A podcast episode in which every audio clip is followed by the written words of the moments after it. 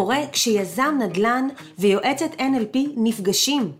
נולדת האלטרנטיבה. אז ברוכים הבאים לפודקאסט שמדבר נדל"ן בדרך אחרת, מנתח מספרים דרך דפוסי חשיבה ומראה שהתפתחות פיננסית היא כמו כל התפתחות אחרת, מתחילה קודם כל בנו. בואו נתחיל.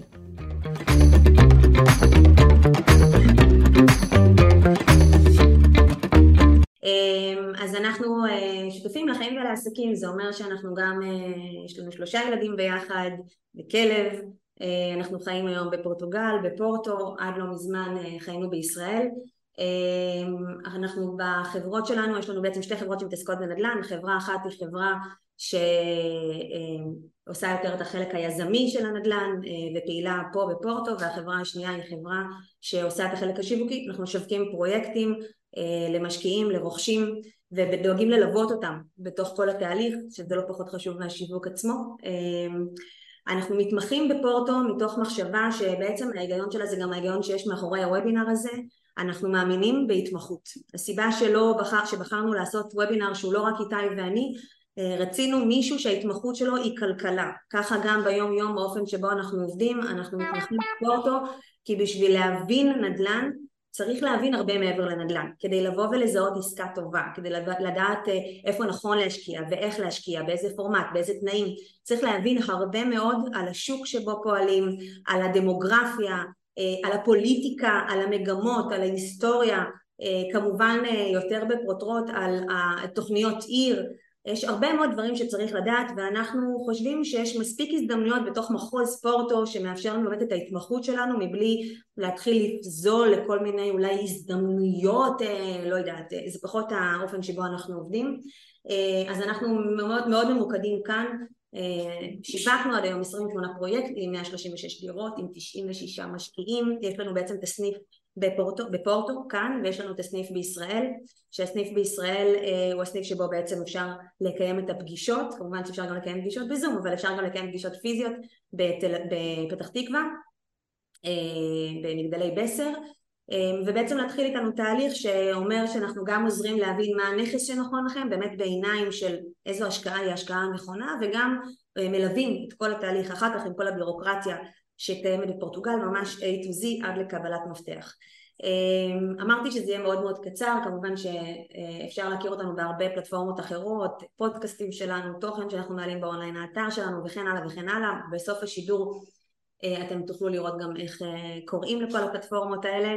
אמ, מה שהייתי מאוד רוצה זה שנעבור להכיר את המומחה שלנו, להכיר את המומחה. Mm. אה, אני אדבר אחר כך על השירותים שלנו גם הייתי רוצה שנעבור אה, להיכרות שלנו עם המומחה, עם אה, דוד בן עזרא, אה, שאני באופן אישי מכירה כבר הרבה מאוד שנים, מעריכה מאוד מאוד מאוד מאוד, ראיתי אותו עובר בין לא מעט כובעים בחיים שלו ואני חייבת להגיד שהמכנה המשותף לכל הכובעים זה המומחיות, היסודיות, המקצועיות, הירידה לפרטים לצד ראיית מקרו, שזה לא ברור מאליו החיבור בין הדברים האלה, אז תודה שאתה כאן. תודה רבה. בטוחה שכולנו הולכים להתערם מהידע שלך. תודה, תודה. אה, זו הקדמה מחמיאה. עכשיו אתה לא יכול להקשיב. זהו. כן. עכשיו אתה חייב להיות מוצלח. אז השם במה זה דוד בן עזרא, כולם קוראים לי דודי. אה, ותודה רבה על, האירוח, ואני רוצה להתחבר למה שאמרת אה, קודם, שדווקא בתקופה כזאת באמת להביא איזשהו ערך ולתת איזשהו ככה הסתכלות טיפה יותר מלמעלה, טיפה יותר אה, מקרו-כלכלית או אפשר להגיד אה, ענפית או סקטוריאלית, זה דבר שהוא יכול בהחלט לעזור ובאמת רגע אה, קצת לצאת מה, מה השיח, בעצם השיח הזה שלנו על, על כלכלת, כלכלת מלחמה ולהסתכל להסתכל טיפה על הדברים מתוך נקודת מבט אה, שלנו כי באמת אנחנו חייבים להמשיך לדאוג לעצמנו אה, מלחמה לא משנה את חוקי המשחק, מלחמה לא משנה את, ה, את המטרות חיים שלנו, את ההון שאנחנו אה, צברנו, רוצים לצבור את היעדים ואנחנו בסוף רוצים לתת, לתת ככה עתיד יותר טוב לילדינו ולעשות את ההשקעות הנכונות ולעשות את הדברים באמת בצורה נכונה וכמו שאני מלווה הרבה בעלי עסקים ובעולם הפיננסי ששם באמת העולמות מתחברים יותר אז, אז אני אומר בסוף לא משבר כלכלי ולא מלחמה ולא עכשיו איזשהו משהו שכבר ראינו או עוד לא ראינו כמו איזה מגפה או משהו כזה משנים את, ה, את המפה הכלכלית. יש דברים שאנחנו יכולים ללמוד מהעבר זה בעצם המשמעות של אולי כלכלה. אמ, זה טיפה קצת אה, שיעורים בהיסטוריה וטיפה להבין מגמות ולהבין אה, איך, אה, איך בעצם ההשפעות המדיניות ומה הכלים שיש לנו ומה שיש לכל מדינה לעשות עם הכלכלה שלה אבל בסוף אנחנו מבינים שאנחנו צריכים, צריכים לדאוג לכסף שלנו, אנחנו צריכים לדאוג להשקעות שלנו ואנחנו יכולים אולי טיפה, כמו שאמרו חכמים אה, ממני, ללמוד, אה, ללמוד מההיסטוריה ולהסתכל ככה על הדברים טיפה מלמעלה. אני רוצה רק להוסיף בהקשר הזה מילה קטנה למרות שבסוף לא הצגת את עצמך וכמה אתה תותח אבל בסדר זה רשום להם על, על המצגת אז הם יוכלו לראות אה, אני, אני מסתכלת על מי שמכיר אותי יודע אני מסתכלת על הדברים מאוד בראייה של דפוסי חשיבה מי שמקשיב לפודקאסט יודע את זה אני לא באה מעולם של נדל"ן, אני באה מעולם של NLP וייעוץ עסקי ובסוף אני מנתחת הכל לפי המשקפיים האלה. התופעה המרכזית שקורית בימים האלה היא תופעה שבה אנחנו מאוד מאוד מוטים רגשית, אנחנו מאוד במה שנקרא מוח ימין. המטרה של השידור הזה היא להעביר אותנו למוח שמאל, היא לעזור לנו לקבל החלטות. הדרך שבה נקבל החלטה היא באמצעות, כמו שדודי אמר, הבנת ההיסטוריה, הבנת התהליכים, הבנת החוקיות שלמעשה היא חוזרת על עצמה. אחת הבעיות בהשקעות זה ש... שזה שוב גם כלכלנים התנהגותיים כבר באו והוכיחו את זה. קרבלסקי, קיינמן וכו', עשו כבר מחקרים מוכחים וזכו על זה על פרס נובל שאנחנו לא רציונליים בקבלת החלטות, בטח שזה נוגע לקצב ובטח שזה נוגע לקצב שלנו. ומאוד מאוד חשוב להסתכל בצורה באמת מפוקחת, בטח ובטח שאנחנו עכשיו בתקופה של שהיא מעורבת רגשית וזה מציף אותנו מכל מקום ומהחדשות ואנחנו באמת צריכים להסתכל רגע אולי טיפה ככה להרחיב את היריעה ולהסתכל טיפה אחורנית ומתוך זה אולי ללמוד טיפה קדימה. אז אני כן אציג את עצמי כמו שאמרת שבאמת כולם ידעו אז אני כלכלן בוגר התמחות במימון מהמרכז הבינתחומי בהרצליה למעלה מעשור כבר מלווה אה, עסקים ומשפחות ואנשים פרטיים בניהול פיננסי, בניהול שוטף, ניהול תזרים, אה, השקעות אה, ריאליות, זה גם המקום להגיד שכל מה שיאמר פה אז אי אפשר, לא יכול להיחשב כייעוץ השקעות כי בעצם הייעוץ צריך להיעשות בצורה פרטנית ואינדיבידואלית לכל אחד ואחד בהתאם לפרופיל שלו ובהתאם לסיכונים שהוא רוצה לקחת ובהתאם אה, למקורות שלו, אבל אה, כן אפשר אה, לעשות פה איזשהו, איזשהו שיעור ולהסתכל ככה באמת על הדברים מלמעלה. בואו נקפוץ, אוקיי? איתי, אתה רוצה להציג את עצמך? אתה רוצה להגיד משהו שאפשר לקפוץ פנימה? אני תמיד, ברגע שנותנים לי את הבמה, אז אנחנו... אני אף פעם לא, לא אומר לא. אני אגיד ש...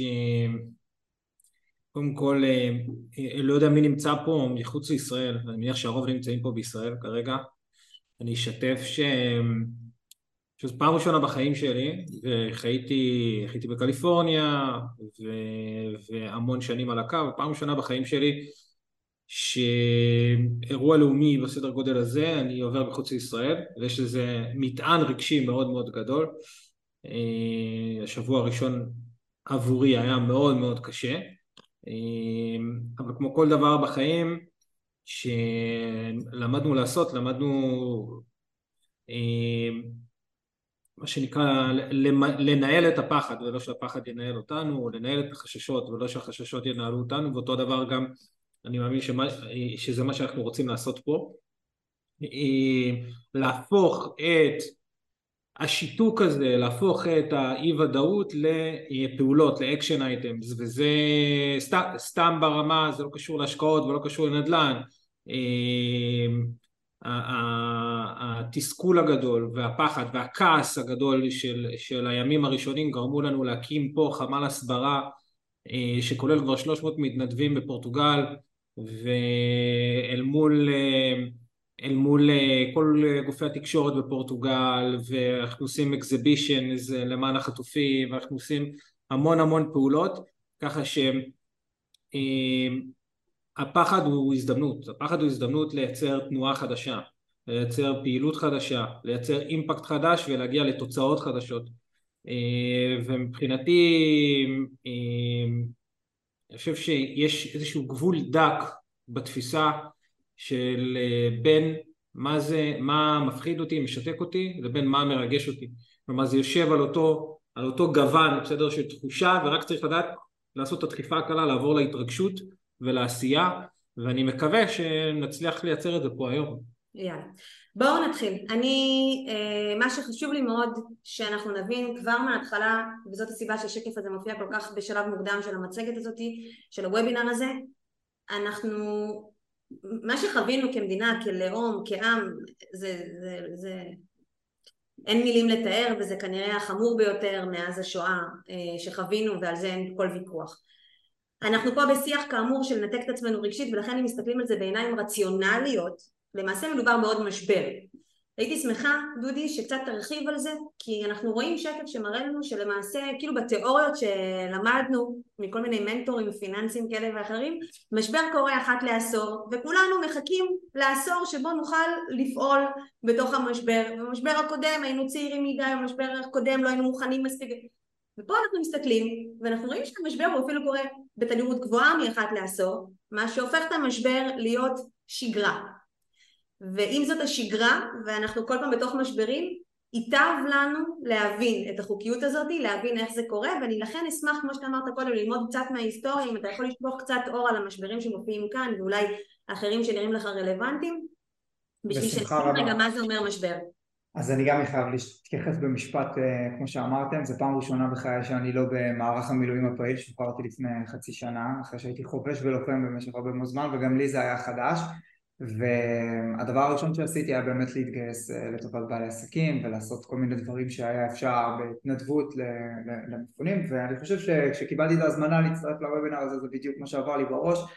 אם אפשר לבוא וככה לתרום למי שעכשיו רוצה להתערם ורוצה קצת אסקפיזם ורוצה טיפה לחשוב טיפה מעבר למה שאנחנו נמצאים בו ולהסתכל רגע על ההיסטוריה ולראות מה ההיסטוריה מלמדת אותנו אז uh, המשברים שעברנו בשנים הקצרות uh, שאנחנו חיים לעומת ההיסטוריה של הכלכלה ואפשר להסתכל פה רגע אחורה כשאני הייתי ב, עוד בלימודים uh, בתואר אנחנו למדנו הלכנו עוד הרבה מאוד אחורה עד לשנות השפל הגדול 1920 והטקסטבוק של לימודי כלכלה עוד מלמדים את, ה, את הדברים האלה אפילו, אפילו על השפעת הספרדית זה משהו שהיה לו השפעה עולמית אה, ואנחנו בחרנו להסתכל פה רגע רק בפריזמה הקצרה מאוד שלנו כי כמו שאמרת אה, טל בעשור, ב-20 וקצת שנים האחרונות העולם חווה כמות משברים אה, כל כך גדולה שלא חוו באמת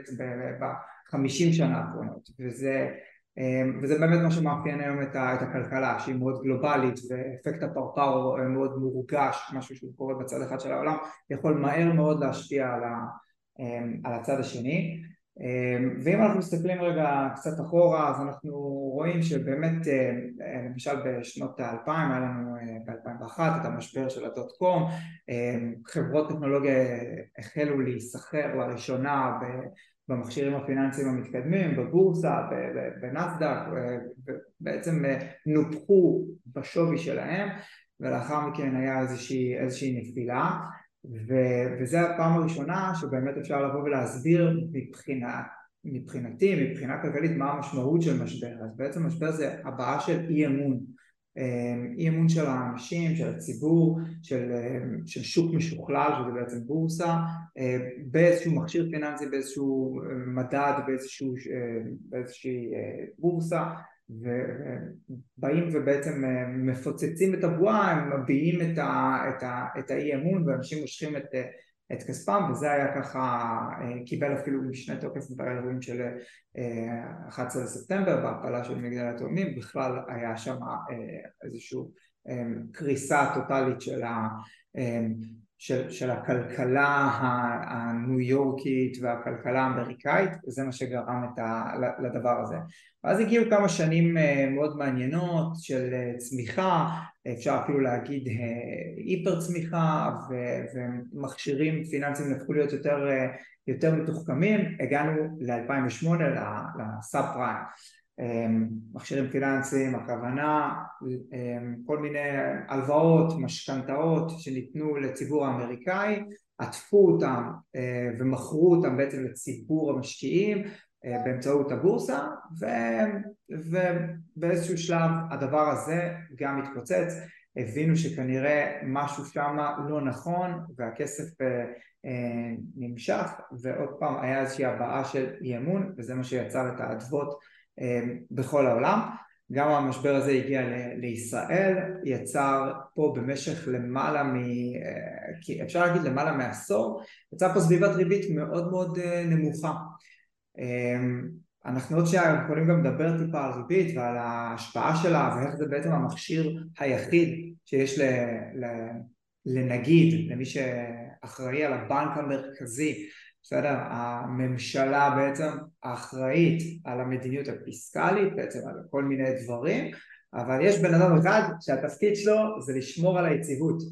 לשמור על היציבות של הבנקים, בראש ובראשונה זה הגדרת התפקיד, אבל בעצם בכך גם לשמור על היציבות של השווקים הפיננסיים ועל המשקיעים ועל, ועל כל האנשים שבעצם אמורים להיות בתוך האקוסיסטם הזה. ואני זוכר, זה היה ממש שאני כבר, אני, אני בעצם למדתי בשנים האלה, ב-2008 עד 2012, ואני זוכר שיצאתי לה, מהתואר והיה ממש סביבה, סביבה מאוד מאוד מעניינת מבחינת השקעות. היה פה בעצם הרבה מאוד הזדמנויות, היה כאן קרקע מאוד פורה להזדמנויות, הזדמנויות נדל"ן, הזדמנויות של השקעות ריאליות בכל מיני עסקים, במפעלים, אבל היה בעיה אחרת, שזה גם משהו שמרתק אותי לפחות לדבר עליו וללמוד ממנו, היה משבר אשראי, היה בעיית אשראי, זאת אומרת הריבית הייתה מאוד נמוכה, הבנקים בכל העולם רצו לעודד אמ, בעצם את, ה, את, ה, את המשקים, רצו לעודד בנייה, רצו לעודד יזמויות והורידו את, ה, את הריבית ממש לרמה אפסית, אבל אמ, היה איזושהי בעיית אמון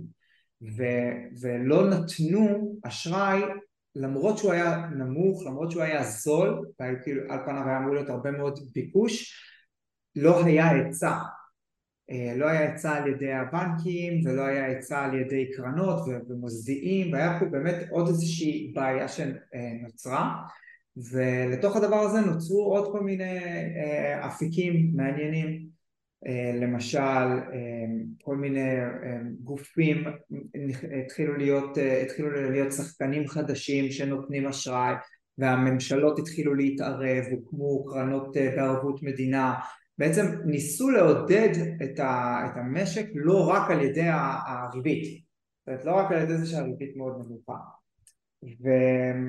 והמכשירים האלה עד היום קיימים ועד היום יש את הכלים האלה. ו, ומאז אמ, עברנו למה שקרה בקורונה, שאת זה כולנו זוכרים יחסית טוב, למרות שהזיכרון של כולנו קצר, זה היה יחסית לאחרונה. ובקורונה אה, קרה, קרה דבר מעניין, היה בעצם אה, בגלל המגפה והעצירה המוחלטת של הרבה מאוד גורמים, אה, גורמי ייצור, גורמים בכלכלה, מפעלים, קבלנים, אפשר לחשוב בעצם על כל האקוסיסטם, הכל נעצר מכוח, לא מכוח אי אמון, שכמו שהיה בפעמים הקודמות, אלא מכוח גורם עליון, מכוח אה, צו ממשלתי, מכוח אה, זה שפתאום אומרים לאנשים תעצרו את העבודה, אתם לא יכולים לייצר, אתם לא יכולים, אפילו שאתם מאמינים בכסף שאתם מייצרים, אפילו שאתם מאמינים בכסף שאתם משקיעים, אתם צריכים כרגע לעצור ולשבת בבית. ו...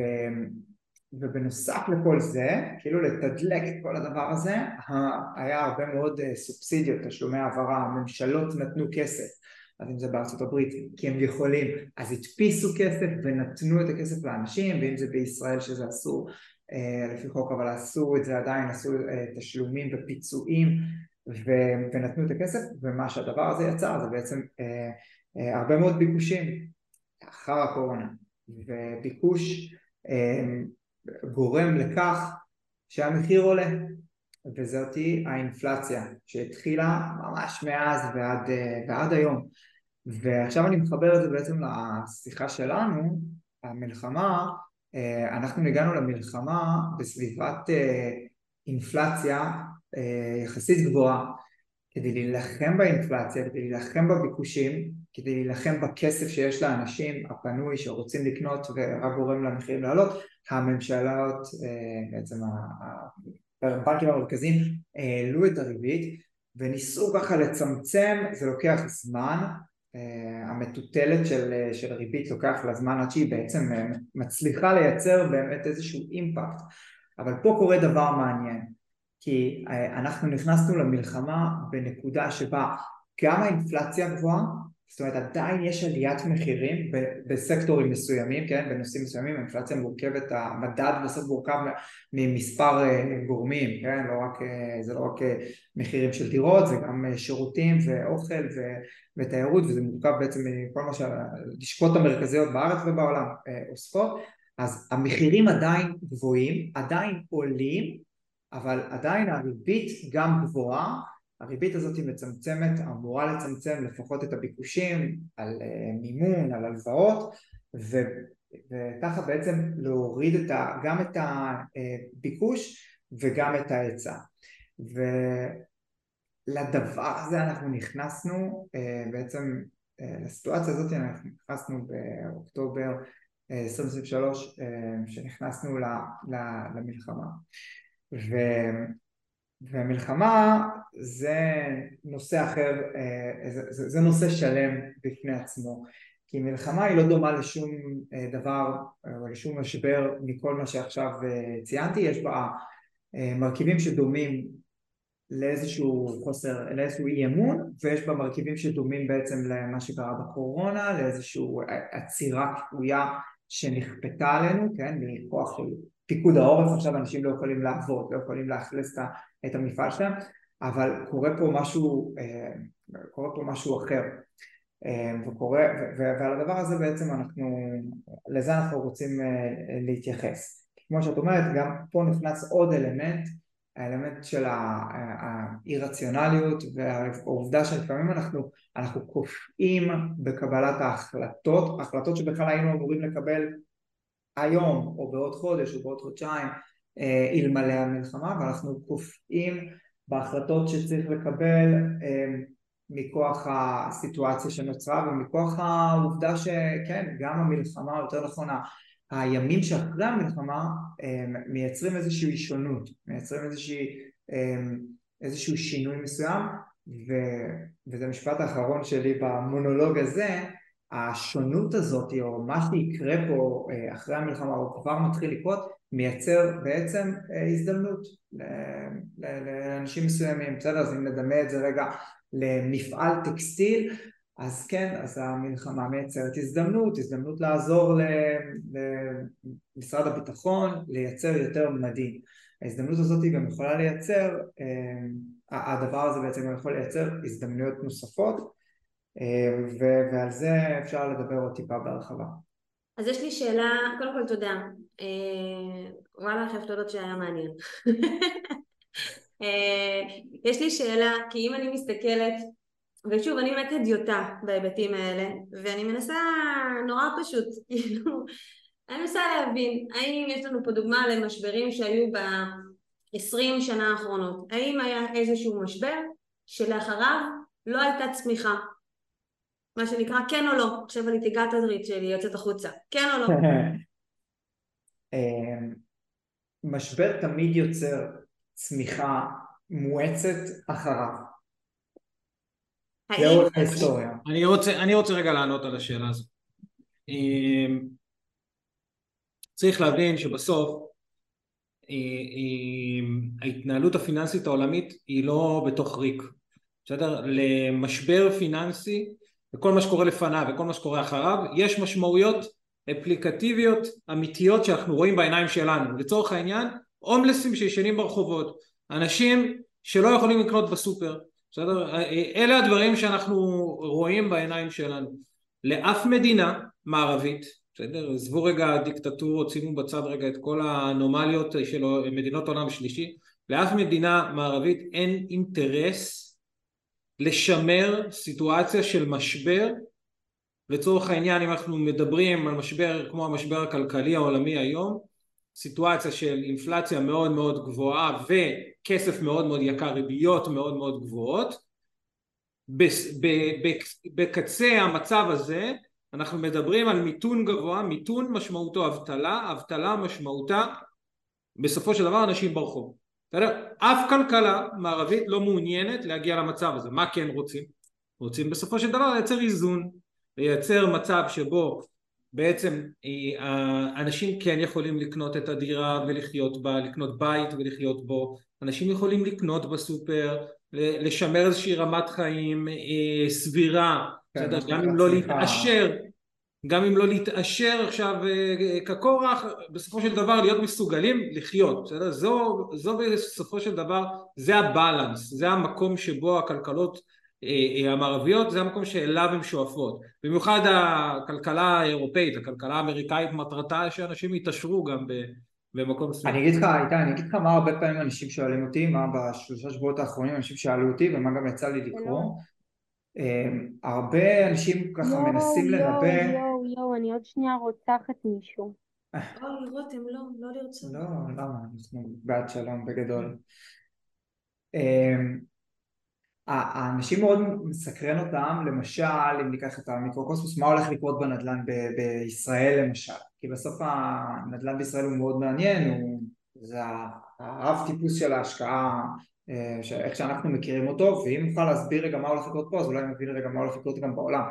בעצם מה שהמלחמה גורמת, כמו שאתה אמרת, יש גם ירידה בהיצע, אבל יש גם ירידה בביקוש.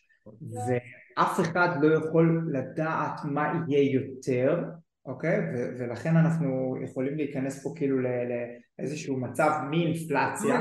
אבל דודי, מה זה ירידה בביקוש? הירידה בביקוש היא נקודתית. מה, אנשים נכון, בישראל לא יצטרכו גג לגור בו? נכון, היא נקודתית, אבל עדיין בראייה של, אה, של, של שנה היא משמעותית. אם יש לנו עכשיו ירידה בביקוש, בכל שנה צריך להיבנות פה בין 100 ל-200 אלף אה, יחידות דיור בישראל או, או, ב, או לא משנה, בכל מקום אחר שניקח בעולם ועכשיו יש ירידה אז אנחנו, אנחנו מנסים רגע להבין מה יותר גדול הירידה בהיצע כי כרגע כל, במשך חודש ימים כמעט כל, כל, כל אה, אה, סקטור הנדל"ן עצר והתעכב בלפחות חודש ימים אם לא יותר אבל מצד שני גם כל העסקאות אה, נעצרו, ראינו מה קרה היום בחנן מור, חברה אה, ציבורית, ראינו, אנחנו רואים מה קורה, בעצם הרגישות בתחום הזה היא מאוד מאוד... אגב אין קשר משפחתי, כן? האמת לא חשבתי על זה. לא. נכון, נכון. אבל... יש כל כך הרבה אנשים עם שם משפחה הזה שאני מקווה שאין לך קשר משפחתי אליהם, לא, לא. לא נתחיל למנות אותם. אה, תגידי תודה, קיבלת אחלה שם משפחה, אשתי עדיין נשארה בשם נעורים שלה. אבל הירידה בביקושים בסוף היא משמעותית, אנשים כרגע בזמן מלחמה, וזה משהו שאני, אתה יודע, זה, אני שומע את זה מכל עבר, אה, לא יכולים כרגע לחשוב על, אה, על רכישות, על רכישה של משהו שהוא עוד יותר לא רציונלי, אם נשים רגע השקעה בצד, רגע, אבל זו המטרה, אבל המטרה שלנו, המטרה, אנחנו פה בגלל זה, כלומר אנחנו פה לא, לא רוצים להסתכל על איך אנשים, רק על איך אנשים חושבים ברגיל, אנחנו רוצים גם לייצר את המציאות ואת החשיבה הנכונה וה, וה, והנכונה להשקעות, אתה יודע, הנכונה לה, להתפתחות ולהשקעות.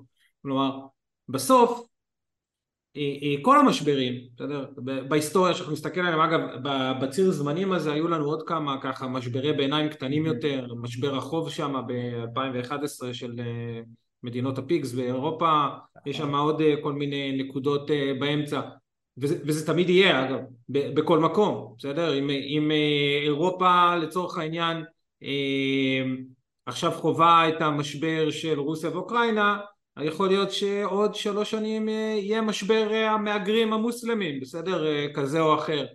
ארצות הברית כנ"ל, בסדר? אנחנו, המשבר עם סין כזה או אחר. אה, המשברים הם שם כל הזמן, אבל המשברים הם קרש קפיצה. אתה צודק במאה אחוז, אני חושב שמה שמעניין את האנשים בסוף זה לדעת איך המשבר הזה הולך להשפיע עליהם. זה אם אנחנו מבינים רגע את הקושי, גם אני עם כל ה... ברור שאני רוצה לשלום החיילים ואני רוצה לשלום המדינה ואני רוצה שיהיה פה, כמו שאמרנו, שלום עולמי, אבל אני רוצה לחשוב קודם כל איך זה משפיע עליי וכשאני רוצה לחשוב איך זה משפיע עליי אני מנסה להבין מה הולך לקרות כאן בעתיד. האם מה שהיה הוא שיהיה האם, האם עכשיו מחירי הנדל"ן בתל אביב ימשיכו לעלות או שמא אולי הם יעצרו? האם עכשיו דווקא השקעה בשוק ההון היא תהיה למשל הדבר הנכון לנתב רגע מה אתה חושב שמחירי הנדל"ן בתל אביב ימשיכו לעלות? רגע שנייה אנחנו לא יכולים להשיח בתוך שיח תישארו your horses, בסדר? שאני אקבל נדל"ן בתל אביב, על נדל"ן בתל אביב. אני לא חושב ששואלים אותי שאלה ואני לא עונה עליה, אני חושב שבסוף לצערי הרב הכלכלה בישראל היא תיפגע כי בסוף הכלכלה מושפעת מהכנסות המדינה ממיסים ואם ההכנסות ירדו והן יורדות כתוצאה מהמלחמה אפילו אם המדינה תלווה את הכסף הזה או תקבל מארצות הברית נגיד ההלוואה הזאת לא תעלה לנו בריבית דריבית כן, שזה עוד משהו שעוד יותר יוריד את הדברים עדיין זה בסוף כמדינה זה באיזשהו, באיזשהו מקום זה ישפיע עלינו, ישפיע על כולם אוקיי, okay, אני רוצה רגע לקחת את צעד אחד קדימה ברשותכם, רבותיי. אנחנו בעצם מבינים עד עכשיו ממה שראינו שהמשבר הכלכלי הוא דבר שחוזר על עצמו, הוא גם בלתי נמנע, אין לנו השפעה על זה, וכאנשים, בני אדם רציונליים עד כמה שאנחנו מצליחים להיות, אנחנו רוצים להשפיע איפה שאנחנו יכולים להשפיע ולהיות מוכנים לדברים שאנחנו לא יכולים להשפיע עליהם ובכל זאת לנווט. המטרה המרכזית שלנו בלהבין את תמונת המצב הזו על כל העובדות והפרשנויות שלה זה בעצם להבין את גבולות היכולת שלנו, זה בעצם להבין איפה המעט ודאות שאנחנו יכולים להכניס בתוך סביבה שהיא רוויית אי ודאות כי כשאנחנו מסתכלים על המחזוריות של המשברים אנחנו רואים שאין לנו ברירה אלא להבין אותה היא תהיה שם, המשבר הבא, אנחנו עכשיו בתוך משבר, לפני משבר, אחרי משבר, נדון על זה מימין או משמאל, אם זה בישראל או אם זה בעולם, הנושא הזה של משבר הוא חייב להיות משהו שב mindset שלנו אנחנו קצת יותר מיודדים איתו ומבינים איך לעבוד איתו וככל שאנחנו נבין אותו יותר ונהיה מופתעים ממנו פחות יהיה לנו הרבה יותר קל לקבל החלטות. בסוף זאת המטרה שלנו כאן. אז קודם כל אי אפשר להתווכח על זה שכשמדובר במשבר כלכלי משקיעים שהם מנוסים הם במידה מסוימת מחכים למשבר, כלומר לפחות בהיבט הכלכלי של הדבר, הם מחכים mm-hmm. למשבר כי הם יודעים שבתוך המשברים צצים, צצות הזדמנויות שבשגרה לא צצות, אז בשגרה נכון. הם מנהלים את הנכסים שלהם, נכון. יכולים לבצע עוד רכישות ועוד השקעות, אבל במשברים הם פתאום נכון. שמים כיבי מלחמה שלהם ועטים על זה. שגרה מייצרת איזשהו קו ליניארי של צמיחה מאוד איטית, יש מדינות מפללות, מדדים מפללים לדבר הזה, אבל היא מייצרת איזושהי סטגנציה עם איזושהי עלייה מאוד איטית ולכן למי שרוצה להשקיע עכשיו לעשר שנים ועשר שנים התנודתיות של המשברים לא מעניינת אותו כי ההצטמנויות שהמשברים מייצרים לא מעניינות אותו כי בטווח זמן הרחוק בראייה של עשר שנים, עשרים שנה, שלושים שנה הכל יתקן את עצמו והכל יהיה במגמת עלייה. אבל כמו שאת אומרת מה שמעניין אותנו עכשיו זה לראות בתוך הדבר הזה איפה אנחנו נמצאים עכשיו בהווה ואיפה הדברים הולכים להיות בעתיד הקרוב, שנה, שנתיים, שלוש ולראות איפה, איפה באמת יש הזדמנויות.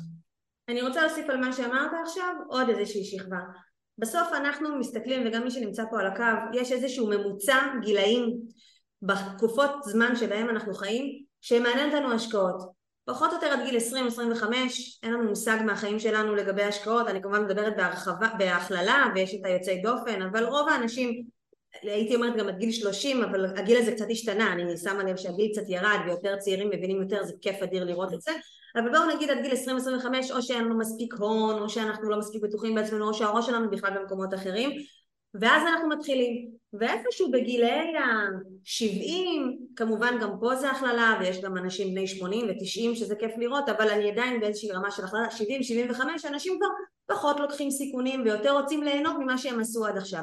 הגורו שלי נוסע על נוסע עדיין על קלנועית כן? מי? מה? וורן באפט הגורו זה, זה, רק, זה רק דבר שככל שהגיל עולה זה מדהים לראות את זה אז, אז בסוף יש לנו איזשהו טווח מסוים שבו אנחנו פועלים, אז באמת אנחנו לא יכולים תמיד להרשות לעצמנו לחכות שהמציאות תתקן את עצמה, אנחנו תמיד אה, מקווים לטוב, אנחנו רוצים להשפיע. אם אנחנו כן. משפיעים, אנחנו מבינים שאנחנו אה, צריכים להיות עם המשקפיים הנכונים לזהות את, ה, את המשבר, אה, להבין את המאפיינים שלו. אחד הדברים הגדולים שיש לנו בתקופת החיים הזו, שלא היה שנים אחורה, אה, זה שאנחנו לא מדברים רק על ישראל, זאת אומרת זה שאנחנו חווים מלחמה בישראל, הגם שהיא מערבת פה הרבה מאוד אלמנטים עולמיים, הגם המלחמה ברוסיה ובאוקראינה, עדיין כשאנחנו מסתכלים במשקפיים של משקיעים אנחנו רוצים להסתכל במשקפיים משכילים, כלומר אנחנו רוצים דרכם לראות כמה שיותר פריזמה, כמה שיותר רחבה, שהיא כוללת גם אה, הזדמנויות מעבר לים, אה, אם זה שוק ההון זה לאו דווקא בתוך אה, קרנות שנמצאות באיזשהו מקום גיאוגרפי מסוים, כלומר אנחנו מסתכלים על הדברים בעיניים מפוקחות ומסתכלים על זה שאם יש משבר במדינה X אולי זאת הזדמנות במדינה Y ודרך המשקפיים האלה אנחנו רוצים גם להמשיך את השיח שנמצא כאן בוובינר הזה. אז אנחנו הולכים עכשיו להיכנס לעובי... אני רוצה רגע שנייה להוסיף משהו קטן לדבר הזה. יש איזושהי קונספציה שהיא בעיניי שגויה לחלוטין שבתוך משבר אומרים שלא שומעים אותנו? לא שומעים, שומעים. שומעים אותנו? כן, אוקיי. אה, ישנה קונספציה שבתוך משבר אה, במיוחד בקונטקסט של נדל"ן צריכה להיות ירידת מחירים יש קונספציה כזאת שמשבר מביא לירידת מחירים הקונספציה הזאת ביסוד שלה היא שגויה בסדר?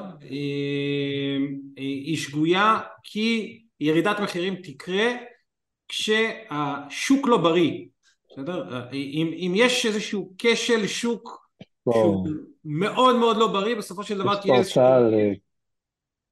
סליחה? תמשיך.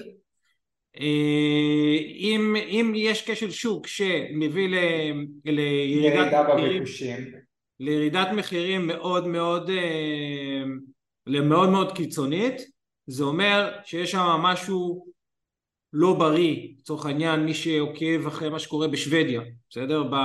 בחצי שנה האחרונה בשנה האחרונה. אה, למי ש, שמסתכל אה, על שווקים שבהם ההתרסקויות הם היו לצורך מזרח אירופה אוקיי מקומות שבהם השוק הוא לא יציב, הוא גם לא צומח, הוא לא מראה אמ, יחס בריא בין ביקוש להיצע אמ, ואז שם אנחנו רואים ירידת מחירים. מה שקורה הרבה פעמים בתוך משבר יש סטגנציה כמו שדודי אמר. יש עמידה במקום, אוקיי? אין עליית מחירים דרמטית, אין גם, לא, אבל גם לא תהיה בהכרח ירידה. והרבה פעמים גם בתוך הסיטואציות האלה כל מה שאנחנו צריכים לעשות זה, וזה מה שתמיד מדברים על להצטייד במזומנים לתקופת המשבר זה לקנות זה, זה, לקנות ולחכות כי מה שקורה בדרך כלל אחרי המשברים וזה לא קונספציה זה, זה מה שנקרא דפוס ומיטל דיברה פה על דפוסים והיכולת והחשיבות בלזהות דפוסים מה שקורה מיד לאחר המשבר זו צמיחה בסדר? למה? כי זה המכניזם של אה, אה, מקבלי ההחלטות בתוך הכלכלות שברגע שיש משבר שבסופו רואים את המיתון זה לנסות להימנע מהמיתון ולעלות למעלה ולקדם את הצמיחה. זהו. אני רוצה להתחבר רגע, אני רוצה להתחבר שנייה למה שאיתי אמר ולתרגם את זה רגע מבחינה כלכלית וזה גם עונה על השאלות אה, בצ'אט. גם אם זה טיפה טיפה רגע מלמעלה ואחרי זה ממש על השאלה, על השאלה עצמה הכלים בסוף להתמודדות אמרנו מבחינה כלכלית מבחינה פיננסית זה באמצעות אה, ריבית או באמצעות היצע. היצע זה מדיניות פיסקלית מה שהממשלה מחליטה עכשיו להגדיל את, המלאי של הקרקעות ומדיניות מוניטרית זה באמצעות הריבית לעלות או לא. אמ, מה שיקרה או מה שצריך לקרות בסדר? אני לא רוצה לדבר בלשון אה, יודע מה שצריך לקרות זה שבטווח זמן הקצר יהיה ירידת ריבית, צריך להוריד את הריבית, אוקיי? או על ידי, או בצורה דרסטית ממש להוריד את הריבית מ-4.75 ריבית בנק ישראל ל-4.5, 4 וכו', או על ידי כל מיני צעדים תומכים כמו אה, הלוואות יותר זולות, מסובסדות, אה, ובעצם להזרים יותר כסף לשוק. שיזרום יותר כסף לשוק, לאנשים יהיה יותר כסף, אז שוב פעם, מה יקרה? הסחורה שיש בשוק תעלה, הסחורה זה הדירות, הסחורה זה ההשקעות, הסחורה זה כל, כל דבר, הצריכה הפרטית וכדומה. זה מה שיקרה בטווח זמן הקצר, אבל בטווח זמן הארוך, בגלל שבסוף אנחנו מבינים ש... אה, אנחנו לא יכולים להגיע שוב פעם, הגענו כבר עם אינפלציה מאוד גבוהה, עם עליות מחירים מאוד גבוהות, זה לא יקרה למשך, למשך זמן ואז עוד פעם הריבית עוד פעם תעלה כדי, כדי לעצור את, ה, את האינפלציה. ועוד דבר, משפט אחרון שחשוב להגיד זה שבסוף בישראל אנחנו כלכלת אי, אוקיי? כלכלת אי זה אומר שאנחנו מאוד מושפעים מגובה פני הים גובה פני הים זה מה שקורה בחו"ל. אנחנו לא יכולים שיהיה מצב שהריבית בישראל יותר גבוהה מארצות הברית למשל, כי אז אה, מטבע חוץ, חוץ זורם משם לפה, אנשים בעצם משקיעים פה את הדולרים שלהם כאן, ואז המטבע חוץ פה, מה קורה שיש הרבה מאוד ממוצר מסוים, המחיר שלו יורד. וישראל חייבת לדאוג למטבע חוץ שיהיה לא גבוה מדי כמו שקרה עכשיו שהדולר עבר את הרף של הארבע אבל גם לא נמוך מדי כי אנחנו מדינת ייצוא אנחנו ה-85% מהתל"ג שלנו זה ייצוא של שירותים זה ההייטק. אז אנחנו לא רוצים לקבל על כל אה, יחידת ייצוא פחות אה, שקל. אז יש פה מערכת יחסים אה, שלמה שצריך רגע להבין אותה ולגבי השאלות שעלו בצוות אני חייב רגע להתייחס למשהו אחד שראיתי פה שמישהו כתב לגבי הריבית הגבוהה שקבלנים האטו את הביקושים שלהם. אז זה, זה נכון ולא נכון. במצב של ריבית גבוהה הקבלנים פשוט לא אה, קנו או לא הזדוודו, לא הציידו את עצמם במלאי של פקודות קרקע חדשות. אבל מי שהיה לו כבר מלאי הוא ההפך הוא האץ, אה, האיץ בשביל, לקרוא אותם כדי, כי הבינו שהגיעו לאיזשהו פיק מסוים של מחירים שמפה דברים רק יכולים להיות ואז ראינו בעצם תנופות בנייה. צודקים ש... צריכים את התזרים. נכון צריכים לממש. נכון אז בעצם היה פה עלייה מאוד נרחבת בהתחלות בנייה. אפשר, אפשר לראות ממש את הנתונים. ככל שהריבית עולה באופן פרדוקסלי בטווח זמן הקצר ההתחלות, המימושים של המלאי של הקרקע נכנסים למה שנקרא טרקטורים מתחילים לעבוד. למה? כל יום יקר. יקר החברה באובליגו של כמה עשרות מאות מיליוני שקלים כל יום יקר בואו בוא נתחיל לממש. מה, ש, מה שקורה בטווח זמן טיפה יותר ארוך זה שאולי פחות בעצם פחות מזדוודים בקרקעות וכדומה. השאלה שנשאלה פה אה, בצ'אט ואני חושב שזו שאלה מה שנקרא שאלת השאלות האם המשבר ייצר איזושהי ירידת מחירים ב, ב, בישראל, האם צריך עכשיו אה, למכור דירות אה, להשקעה, אה, דירות מגורים, האם, זה אני שומע פה ככה יש איזה חוט שני שעובר בין כל, ה, בין כל השאלות. לשאלות האלה אין תשובת, אין תשובת מדף, זאת אומרת אם זה משהו שעכשיו בא והנכס הזה מוחזק כבר למעלה מעשור, בסדר? זה סתם ניתן דוגמה נכס שנקנה במחירים נומינליים מאוד מאוד נמוכים, כן, קרי 500 אלף שקל, 600 אלף שקל דירה ו, והוא כבר מקסם את ה... מבחינה נומינלית מקסם את עצמו, הגיע לאיזושהי רוויה מסוימת. רוב הכלכלנים חושבים שהגענו לאיזושהי רוויה. זה ההנחת יסוד של ההווה מצד אחד.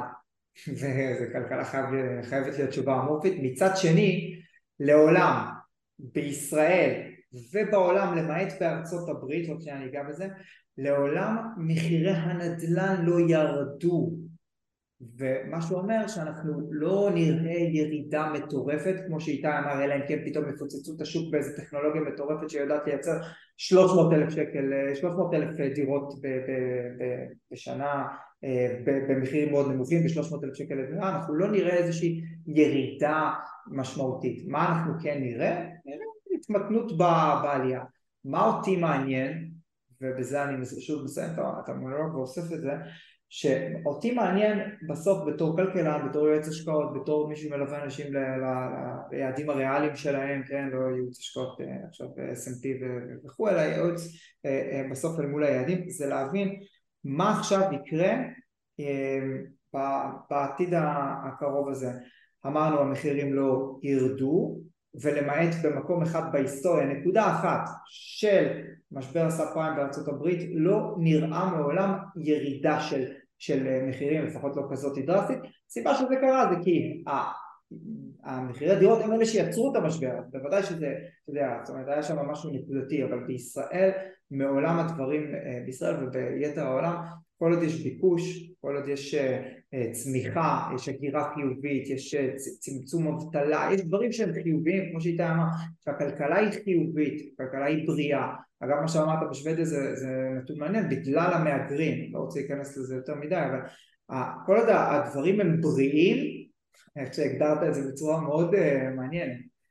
כל עוד הדברים הם בריאים, אז הקרקע היא קרקע פוריה, קרקע טובה, רק צריך שמש, מים ו- ולתת לדברים לצמוח. ישראל במשך הרבה מאוד שנים הייתה קרקע פוריה, קרקע פוריה להשקעות נדל"ן, קרקע פוריה בכלל להשקעות אמ, ו- ולכן המחירים עלו, זה דברים טבעיים ואם אתם עכשיו משקיעים, לא, לא צריך להיות משקיעים כשירים ולא צריך רואים איפשהו בעולם אה, הזדמנויות של קרקע פוריה אז, אז זה מה שצריך להיות. עכשיו אני לא יודע okay, אוקיי, הצעה כזו או אחרת.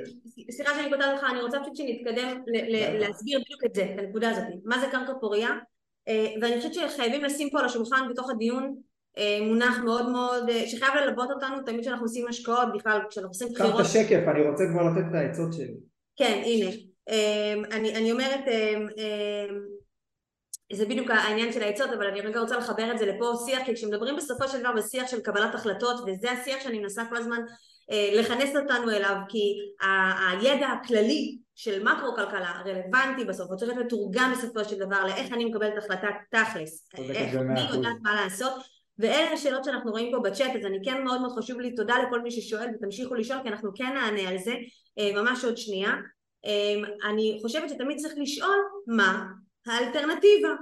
ואם אני לא שואל מה האלטרנטיבה, אז אני יכול לחשוב שאולי אם אני לא אעשה ואני אמשיך לחכות ולחכות ולחכות, כמו שאתה אמרת, בסוף הנדל"ן תמיד עולה. אבל השאלה היא מה האלטרנטיבה, ויש פה עוד הרבה שאלות נכון. אחרות שצריך לשאול, כמו על איזה לוחות זמן אנחנו מדברים, נכון. באיזה פרעי זמן. זמן, פרמטר הזמן זה פרמטר שמעט מאוד אה, אנשים, משקיעים בוודאי פרטיים, יודעים לכמת אותו. כאילו אם היינו מכמתים, מוסיפים זה הנעלם במשוואה תמיד שהוא משנה לגמרי את הכל ומשפט שרציתי להגיד ולא רציתי לקטוע אותך זה שאם אה, התשואה בעולם הייתה על ידע כל, כל הכלכלנים היו מולטי-מיליונרים. נכון, וזאת הסיבה, וזאת הסיבה שאנחנו בסוף מחפשים להבין איך לוקחים את הידע והופכים אותו לפרקטיקה ואנחנו עכשיו עוברים לחלק הזה של הוובינר שלנו פרקטיקה, קבלת החלטות, קחו עט, קחו דף, תרשמו, כי אנחנו בעצם הולכים לדבר בדיוק על העשה ואל תעשה אה, בתוך, אה, בתוך אה, המצב שאנחנו נמצאים בו כרגע בישראל. אנחנו רצינו לה, להדגיש כאן שמלחמה היא לאו דווקא משבר כלכלי או שמשבר כלכלי הוא לאו דווקא משבר נדל"ני אבל אני חושבת שדיברנו על זה המון עד עכשיו גם בלי השקף הזה אז אני כן ארשה לעצמי לרוץ קדימה. אה, במקור כשתכננו את הפלואו שיהיה טיפה שונה ממה שקרה בפועל אז, אה, אז דיברנו על זה, רצינו לתת דוגמה לזה שמלחמה היא לא משבר כלכלי בהכרח או שמשבר כלכלי מכיל בתוכו הרבה מאוד הזדמנויות ורצינו לדבר פה על פורטוגל כמקרה דוגמה לזה שהגם שיש בעולם משבר כלכלי כרגע, הגם שמתחוללות מלחמות בעולם, עדיין אנחנו רואים עלייה מאוד מאוד יציבה שממשיכה לעלות, ממשיכה להתקיים בפורטוגל, אה, מה שמביא איתו גם עלייה בדירוג האשראי, שזה עוד אינדיקציה לכלכלה בריאה, כמו שאתה אומר, אותה סביבה בריאה שאנחנו מחפשים אותה כמשקיעים, אה, וגם אינפלציה שמצטמצמת, שזה גם עוד אינדיקציה לכך שמדובר בעצם בכלכלה בריאה. אמ, אז, אז המסקנה כאן, וזה שוב, זה לאו דווקא בשביל לדבר כרגע על פורטוגל, פשוט זה העולם שאנחנו חיים בו ומכירים אותו מספיק טוב בשביל לבוא ולתת את הדוגמאות, המטרה כאן היא לבוא ולהראות שכן יש הזדמנויות, זאת אומרת כשאנחנו מנסים להבין איזה החלטה לקבל, אם אני רגע הולכת פה לפי שלבים בתהליכי קבלת החלטות, אז השלב הראשון ראשון ראשון ראשון, וגם דיברנו עליו בתחילת הוובינר הזה, להבין שאנחנו צריכים לקבל איזושהי החלטה מה שמתחבר בדיוק לשקף הבא שלנו, אנחנו צריכים להבין שאנחנו צריכים לקבל איזושהי החלטה, אסור לנו להרשות לעצמנו להמשיך לשבת ולחכות עד שיעבור המשבר או המלחמה, לעשות הפרדה בין המונח או, או המשבר הרגשי שאנחנו חווים לבין המשבר הכלכלי או ההזדמנויות שהגיעו בעקבות או על רקע משברים כלכליים אחרים בעולם ולהתחיל לזהות את המשברים האלה. אז אתה, אני אשמח רגע אם תרחיב על הדבר הזה. אני, אני רוצה רגע להגיד משהו וזה מתחבר, אה, מתחבר למה שאת אמרת. אה, הכללי ברזל האלה, אני, וזו הסיבה שאני שמחתי מאוד לעשות את הוובינר הזה ולהשתתף בו, כי אני חושב שזה כללי ברזל שהם אה, תקפים ל, ל, לכל, לכל אחד ואחד פה. אה, בסדר, זה לא, אין פה כאילו איזשהו, אני, אני לא מכיר את ה... אה, הוא דומה לעברי לידר. יא, שמעת איזה מחמאה קיבלת? כן, זה רק המשקפיים העגולים, אם אני אדבר ככה. זה הקלארק קנט שלי. אני חושב שהכללים אה, האלה, בסדר, וזה לא רלוונטי עכשיו לבחון השקעה כזו או אחרת, וכאילו איזושהי הצעה, כמו שאמרתי מקודם, המידע המוצג הוא לידיעה בלבד ולא מהווה תחליף לייעוץ השקעות וכו' וכו' וכו'. המידע הזה, הידע הזה והכלים האלה, מה, שאנחנו, מה שאני רוצה להגיד עכשיו, השישה שבעה טיפים האלה הם, הם תקפים לכל דבר, לכל, לכל אדם ולכל אה, משקיע אה, כי בסוף זה, הדבר, זה הכלים הפיננסיים, זה החוקים הפיננסיים ש, שהם חלים על כולם, הם חלים על בעלי עסקים, זה המנטרה שלי, זה מעל לשלט באיילון, זה מה שהייתי שם, אה, זה, זה הטיפים שלי לעולם. זה זהו, את בר רפאלי, אחד מהשני. אה, כן. אני אומר בסוף, מה שאת אומרת זה לא העניין של לא לשבת בחוסר מעש זה העניין של אה, לא להיות באיזושהי מודעות מסוימת או לא להשתתף בוובינר הזה או לא לחשוב רגע על מה הם כל האפשרויות שעומדות בפניי ולא לנתח את, את המידע ולנתח את, ה, את, את סך הנכסים שיש לנו השאלה היא האם עכשיו לבוא. אה, לייצר פעולות בקצה, בקצה, בקצה, האם אני עכשיו רגע פורע את הפק"ם כי אני מבין שבסוף הריביות בפק"מים האלה לא ימשיכו להיות לנצח או, או מוכר דירה, זה, זה בקצה, אבל רגע אחד לפני זה בוא נבין שנייה את ה-set of mind, בסדר? בוא נבין את ה-operation system, ה-operation system צריך להיות באמת לא לשבת על הגדר אף פעם, לא, לא לקפוא, אלא אם כן אנחנו באמת רואים פה כמובן בשבוע, שבועיים, שלושה הראשונים שאנחנו רוצים רגע לקבל החלטות, לעשות שיעורי בית, אנחנו רוצים לא לפעול בצורה אימפולסיבית, זה קיצוניות לצד אחד, אנחנו לא רוצים לשבת אה, בסטגנציה ולשבת ולא לעשות ולהיות בחוסר מס חוסר מס אגב לא מבחינת ההשקעה רגע באמת לעשות אלא חוסר מס מהבחינה של לנתח, להבין, לעשות רגע מעקב אפילו בשביל שיהיה לנו איזשהו בנצ'מארק למה, למה להשוות. אז הנה, רוצה... אז אנחנו עוברים לנקודה הבאה, אוקיי? כי זה בדיוק מה שאתה אומר. אה, חוסר מס הוא לאו דווקא הלא לקבל החלטה לגבי השקעה מסוימת, החוסר מס הוא בכלל לא להבין את הסביבה הכלכלית שבה אני נמצא, את מה יש לי ומה אין לי. וזה בעצם הטיפ הראשון אה, של העשה, זאת אומרת הבנו את האל תעשה, אבל זה הטיפ הראשון ברמת העשה. אה, אני כן רוצה שנייה להתייחס לזה לפני שאתה מרחיב על זה. אה, אנשים חושבים שהם יודעים מה המצב הכלכלי שלהם, זאת אומרת על פניו כשאתה נתת את הטיפ הזה אמרתי לי נכון, באוטומט זה למה זה טיפ זהב. בדיוק. אני יודעת שאנשים הולכים להגיד יאללה נו אני יודע מה המשכורת שלי אני יודע אם הוציאו אותי לחל"ת, לא הוציאו אותי לחל"ת, יודע מה יש לי בראש, מה אתם רוצים? ואני אומרת לא, שנייה, תעצרו, אנשים חושבים שהם יודעים מה שנקרא איפה הכסף שלהם, הם לא יודעים איפה הכסף שלהם, אנחנו לא באמת בשליטה, ואני לא מדברת רגע בשליטה ושוב mindset, לא ברמת השליטה על כמה קפה אני קונה ביום ומה ההוצאות שלי כתוצאה מזה שאני אחסוך את הקפה הזה, לא, שזה כאילו מה שמאז שהיה את אה, אלון גל ב... ב, ב לא יודעת איזה שנות התשעים או משהו שהוא בא לאמן משפחות אז כולם דיברו על כמה קפה וכמה סיגריות הם משנים והנה אני חוסך או לא חוסך לא זה הרבה יותר עמוק מזה. זה באמת איפה הכסף שלי נמצא ומה הכסף שלי עושה. וזה מתחבר לאלטרנטיבה שדיברתי עליה קודם. אם הבנו כבר שיש פה שני פרמטרים שאנחנו צריכים לבחון את עצמנו לפיהם כל הזמן גם בשגרה קל וחומר במשבר. אחד מהם זה זמן שתיים זה כסף כסף באלטרנטיבה שלו. באיזה פרקי זמן אני מדבר כרגע? האם אני מאלה, שדרך אגב זה גם בסדר להבין את זה לעצמך, אני חשדן, אני הססן, אני פחדן, אני נמנע, אני whatever, לא מעניין אותי עכשיו לשחק את המשחק הפיננסי, רק תבין מה המשמעות של זה, תבין מה ההשלכה של זה. אתה בעצם אומר אני מוכן להפסיד כסף בשביל העובדה שאני לא מספיק מבין. זאת, זה, זאת האמירה, למעשה זאת האמירה. לעומת מצב שאני פרו-אקטיבית בחיים שלי, כי אני יודעת שאף אחד אחר לא יעשה את זה בשבילי, בטח לא המדינה, ובטח אם אני לא אהיה תלויה בתנודות של השוק ומשברים עולמיים ומדינתיים כשמדובר בישראל, אין לי ברירה אלא להבין באמת מה הכסף שלי עושה. מה הוא עושה בעו"ש, שזה בדיחה אחת גדולה, כי אם אני משאירה כסף בעו"ש, גם מה שיהיה לכם יותר כסף, אתם תראו כמה זה בדיחה יותר גדולה. אתם יכולים לקבל פתאום איזה זיכוי של 4 אגורות לחשבון שלכם, 12 אגורות אם אתם ממש מפוצצים בכסף בעו"ש, אז זה, זה, זה, זה, זה, זה בדיחה, אוקיי? אז בין אם זה כמה כסף הכסף שנמצא לי בעו"ש עושה. ועכשיו, איך אני יודעת לחשב את זה שהכסף שלי בעו"ש למעשה נשחק על רקע עליית האינפלציה? או אה, אה, אה, ירידת ערך השקל לעומת היורו והדולר, איך יודעת לחשב את זה בכלל, ורובנו לא יודעים לחשב את זה, וצריך לקחת את הנתונים האלה בחשבון. אז לבוא ולהגיד... מה שנקרא המחיר של האין עסקה. בדיוק, של לשבת בחוסר מס. עכשיו כן. אגב, הטיפ הזה הוא goes to, כאילו, הוא goes without saying לכל הצדדים. המחיר של החוסר פעולה זה משהו שהוא קשה מאוד לכמת אותו. זה כמו כל מיני עלויות שוליות שקשה מאוד לכמת, אם אנחנו בוובינר של מלחמה, אז יש כל מיני עלויות שוליות שאי אפשר לכמת, אבל הדבר הזה אמ, הוא, הוא באמת איזושהי עלות אלטרנטיבית, איזושהי עלות שולית כזאת שמאוד מאוד קשה לכמת, מה המחיר של האין עסקה, מה המחיר של לשבת על הגדר, מה המחיר של, של השחיקה הריאלית, כמו שאת אומרת, מאוד מאוד קשה לכמת את, ה, את, ה, את הדבר הזה, פשוט להבין שיש איזשהו מחיר. ו... ויש מחיר, מחיר ובשורה התחתונה... יש מחיר של לא לזוז.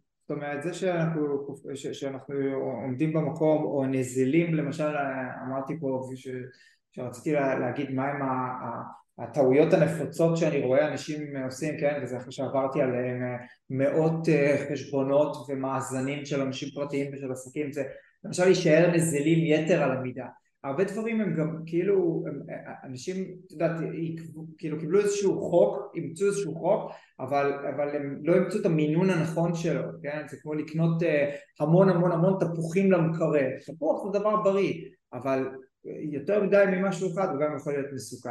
אז אם אני צריך לתת טיפ זהב אנחנו כן צריכים להיות נזילים בראש שאלו את זה גם פה מה אנחנו רוצים להיות מה אנחנו רוצים, כמה כסף אנחנו רוצים להשאיר למקרה של... למקרה שנצטרך את הכסף, אז אפשר להשאיר שלושה, ארבעה, חמישה חודשי תזרים, הכוונה חודשי תזרים זה אפס הכנסות אה, ונטו אה, להסתכל רגע על ההוצאות שלי, גם פה צריך להיות טיפה יותר עמוקים, מה זה ההוצאות שלי, הוצאות שאי אפשר לעצור, או הוצאות שאני בלחיצת כפתור עוצר, אה, ולעשות את ההתאמה על הדבר הזה הרבה פעמים אנשים באים ויושבים איתי ואומרים רגע אה, אה, כן אבל במידה ואני אפוטר אז אני צריך עכשיו 30 אלף שקל לחודש כי זה המחיה שלי כפול שישה חודשים וואלה זה 180 אלף שקל. לא. במידה ואתה תפוטר זה 70 אחוז אה, דמי אבטלה שכן ייכנסו ו- ועדיין אי אפשר לייצור פה כל מיני דברים אז לא מעבירים כסף מכיס ימין לכיס שמאל לאיזשהו חיסכון מסוים אז אנחנו רוצים להסתכל רגע על תזרים אמיתי זה, זה בדיוק המהות, להיות עמוק, להיות אה, אה, לא רציונלי, כי אנחנו, כאילו להיות רציונלי בעולם שאנחנו לא רציונליים, שזה לגבי הכסף שלנו. אוקיי, okay, אז, אז טיפ אחד זה באמת, אה, כשאתה בא לעשות סדר ולהבין את תמונת המצב שלך היום, תחשב כן. את מה שאתה כן. צריך בעו"ש לצורך העניין, או שאתה רוצה שם... כן, ומה שאמרתי זה עוד דבר, זה נושא, הנושא של למשל לבוא ולעשות רגע את ה... אה, אני קורא לזה מאזן, כן, אבל זה הסנפצ'וט רגע של, של איפה, איפה אנחנו עומדים היום, מה נכנסים מול ההתחייבויות שלנו? אם יש לנו עכשיו אה, הלוואות, ולא משנה אם זה על משכנתה או על הלוואות אה, לזמן ארוך או על רכב, אנחנו רוצים לדעת רגע מה העלויות שמה, אל מול מה הנכסים שיש לנו ומה התשואה שאנחנו יודעים לייצר שמה אמ, ו- ולעשות את הבדיקה זה, זה מול זה והרבה פעמים בסביבת ריבית מאוד גבוהה אמ, אנחנו עדיף לסגור למשל איזושהי הלוואה אבל אה, באותה מידה אם ההשקעה והפרופיל סיכון שלנו מאפשר את זה כן ואנשים מוכנים לקחת את הסיכון יודעים לייצר על אותם למשל מאה אלף שקל יודעים לייצר אה, תשואות דו ספרתיות אז לא אז עדיף שאני אהיה הבנק. זאת אומרת אני יודע לייצר תשואה על כסף מצד אחד אבל אני גם יודע ללמוד. נגיד של ארבעה אחוז ולהרוויח את התשואה של עשרה נכון מאוד. אמ, ובכלליות לבחון את הדברים, להסתכל רגע על ממוצעים של, של שנים אחרונות, להבין רגע את כל התמונת מצב שלנו, זאת אומרת להוציא עכשיו את, ה, את ההר הכסף, להוציא מסלקה פנסיונית, להוציא את הדוח אשראי, דוח ריכוז נתונים של בנק ישראל בחינם, לבוא ולבנות את כל, את כל התמונה הפיננסית הזאתי אה, ולראות רגע את כל הנתונים, כאילו להרכיב את הפאזל אני קורא לזה, ולהסתכל רגע על כל הדברים שנייה מלמעלה ו- ו- ועל, וכשהמידע ברור לנו ו- ו- ואנחנו רואים אותו ולהעביר את הדברים גם כמו שאמרת מהתורה שבעל פה מה שאנחנו זוכרים יודעים לתורה שבכתב פתאום דברים נראים אחרת לכאן או לכאן כן? זה לא עכשיו עם איזושהי אג'נדת אה, אה, השקעה או חיסכון או פירעון כזה או אחר. פשוט לראות את הדברים בצורה יותר מפוקחת בואו ננסה כבר בנקודת זמן הזו לענות על השאלות שבעצם היו פה בצ'אטים שלמעשה המחנה המשותף שלהם היה השאלה האם להנזיל כסף? כאילו זה בסוף הייתה השאלה. אה, בין אם זה להנזיל על ידי אה, מכירת דירה בין אם זה להנזיל על ידי אה, קרן השתלמות או קופות גמל או בכלל להפריש היום. שוב אל מול האלטרנטיבה. להיות עמוקים לנתח אם אפשר לעשות את זה לבד אז לבד עם יועץ השקעות, יועץ נדל"ן, יועץ, יועץ מישהו בבנק, רואה חשבון, עם מישהו שיודע לעזור לנו לצאת מהחוסר רציונליות של, שלנו, אני מודה, גם אני עושה את זה, זאת אומרת זה, זה רופא, רופא הולך לרופא, דיאטן הולך לדיאטן, כלכלן צריך לשבת עם כלכלן, אנחנו לא רציונליים לגבי הכסף שלנו ותמיד ייעוץ חיצוני עובד לנו יותר טוב. אם אנחנו קובעים איזושהי שעה בשבוע עם הבן או בת הזוג ומסתכלים רגע, מנתחים את הדבר הזה אנחנו הרבה יותר טובים מאשר סתם ביום שלישי בשעה ארבע אחרי צהריים לקבל החלטה. אני חייבת לשתף אתכם שלי יש הפרעה מאוד מאוד קשה, זו מחלה שנקראת מחלת האקסלים, איתה יכול להעיד שבשנייה שהתחילה המלחמה ממש כיום שבת היה הדבר הזה, הדבר הזה, להגדיר את זה פשוט, אני חושבת שביום שני אני לא הלכתי לישון, ישבתי על האקסלים, הייתי צריכה, הייתי צריכה להירגע, הייתי צריכה לראות סינריומים שונים ולהסתכל על מה קורה ברבעון האחרון של 2023 ומה קורה ב-2024 ולשחק עם זה. מעט מאוד אנשים שאקסלים מרגיעים אותם. יש הרבה אנשים? לא, מעט מאוד אנשים שאקסלים מרגיעים אותם. זה... אה, אני, אני, מי שמבין מה אקסל נותן, אה, אנחנו, שוב, גם, גם פה בוובינר הזה אנחנו בשאיפה לתת תשובות. זה מאוד מורכב, כי אין נכון. תשובה אחת... אז בוא נעבור אותנו עוד שש טיפים. עוד, נכון. עוד, עוד, יש עוד, אנחנו נמשיך, רק שאני אומרת, התשובות הן לא תשובות שהן חד חד ערכיות ותמיד זה נשען על ספקולציות, אני לא חושבת שאפשר בלי אקסל לעשות את זה, אני רוצה רגע לשאול אותך שאלה אחת שהייתה פה בצ'אט, האם פק"ם נחשב לנזילות יתר? פק"ם נחשב לנזילות אם, ב, אם אנחנו לא במשבר פיננסי, אם אנחנו סומכים על המוסד שבו הוא נמצא גם קרן כספית או מק"מ, מלווה קצר מועד של, של המדינה, גם נחשב לנזיל, כי תאורטית תוך שני ימי עסקים הכסף אצלנו בחשבון ואפילו הבנק משקף כבר במחיר, את, ה, את הכסף של המכירה כבר באותו יום עסקים, אבל uh, זו שאלה מאוד אינדיבידואלית, האם חס וחלילה, חס ושלום יקרה, יקרה איזשהו משהו שבו אין מחשב, אין עכשיו אה, מחשב מרכזי או נופל משהו בסוף הדברים האלה יושבים על, ה, על, הש, על השאלות האלה אמ, אבל בעיקרון כן, פק"ם נחשב איזשהו מוצר נזיל וגם כסף בעו"ש, כל, כל מה שהוא יכול להיות, אה, אה, שיכול להיפרע, להיפרע תוך אה, פרק זמן יחסית קצר. אוקיי, okay, אז אנחנו עוברים לטיפ השני, גם נשאלנו את זה בתוך הצ'אט לגבי נושא של הלוואות ומשכנתאות כרגע הטיפ שאתה נתת זה לנצל אפשרויות של הקפאת החזרי הלוואות, לא להיבהל ולרוץ לסגור חובות שלא חייבים. בואו נרחיב על זה טיפ טיפה. אני אומר שהרבה פעמים אנשים, כמו שאת עושה את האקסל וכמו שדיברנו על זה מקודם במאזן, אומרים אוקיי רגע אז, אז זה לא, אולי עכשיו הדברים הולכים להשתנות ואולי כדאי שאנחנו נשתמש בכסף הזה כדי לפרוע את את הדבר הזה ולסגור את זה ועושים כל מיני פעולות שהן לאו דווקא נכונות הרעיון הוא אם יש עכשיו אה, מישהו שהוא שומע אותנו שהוא בעל עסק ויש עכשיו איזושהי, האטה או עצירה בעסק ויש איזושהי הטבה שאפשר, אני לא רוצה להשתמש במילה לנצל, אבל אם יש משהו שמכוח בנק ישראל נותנים לנו, או מכוח אה, אה, הבנק עצמו, לא לרחם, כן? הבנקים הם גופים מאוד מאוד עשירים, גם אחרי כל מה שהם תרמו לכל ה... לכולם, הם עדיין רשמו 14.6 מיליארד שקל רווח בחצי שנה. זאת אומרת אם אפשר רגע לבוא ולהקפיא, שוב צריך להסתכל על מול האלטרנטיבה אם זה עולה כסף, יש כל מיני תנאים, אבל אם יש פה איזה משהו שאנחנו יכולים לקחת, ריבית זולה יותר, מימון זול יותר, הלוואות שלא בהכרח חייבים להחזיר, להאריך את חיי ההלוואה ללא תוספת תשלום, ללא תוספת ריבית, זה זמן, זמן בסוף קשה לכמת אותו אבל צריך להבין אותו אני חייבת שאתה תתעכב כרגע על מה שאתה אמרת כזה בחצי משפט אה, ללא עלייה בערך הריבית כזה, אתה לא, לא כזה, וזה היה המשפט הכי חשוב לדעתי. לא, אני אומר שיש בסוף אה, אה, כל מיני תנאים וכל מיני דקויות, כן, של כל מיני, למשל מישהו 0 עד 7 אה, קילומטרים או עד 30 אז הבנק מסבסד גם את הקרן וגם את הריבית של אותם אנשים. מישהו אה, ביישובים של 30 קילומטר אז אפשר רק את הריבית לא לשלם. הקרן עדיין לא נחסכת מאיתנו.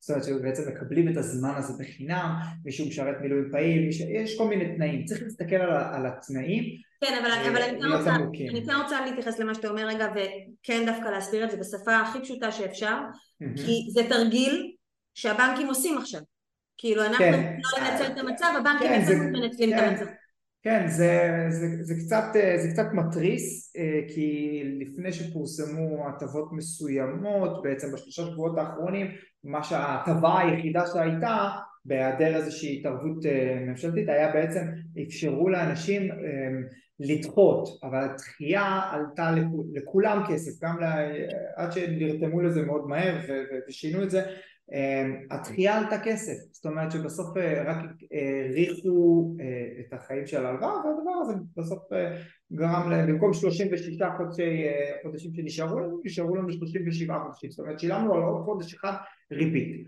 עכשיו יש אנשים שזה מתאים להם, ויש אנשים שזה לא מתאים להם כי זה לא חסך משהו, אלא זה רק דחה משהו.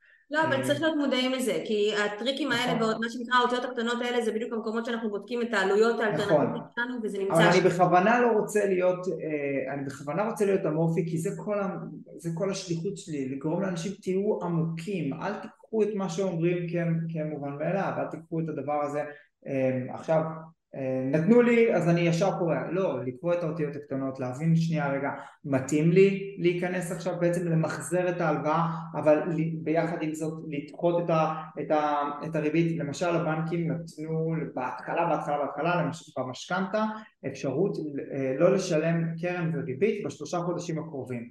אבל בעצם החוב גדל, הוא תפק ואת כל השלושה חודשים האלה, סתם דוגמה נגיד במספרים 7,000 שקל כפול 3, 21,000 שקל, הם נוספו לכל יתר אה, חודשי ההלוואה, זאת אומרת שבכל חודש ההחזר החודשי עלה בעוד איזה כמה שקלים. עכשיו יש אנשים שהכמה שקלים האלה זה באמת כן. כלום בשבילם, ויש אנשים שבסוף זה משנה להם את המ... עוד 200 שקל בחודש, זה משנה להם את, את התוכנית. אז זאת דבר שמישהו אחד לא ירצה לקבל. דבר אחרון להגיד על השקף הזה ספציפית, כי הוא מאוד נוגע בעיניי בדפוסי חשיבה. אנחנו דיברנו בהתחלה על אה, לא לקפוא, שזה דפוס התנהגותי מאוד מאוד שכיח אל מול מצב חירום.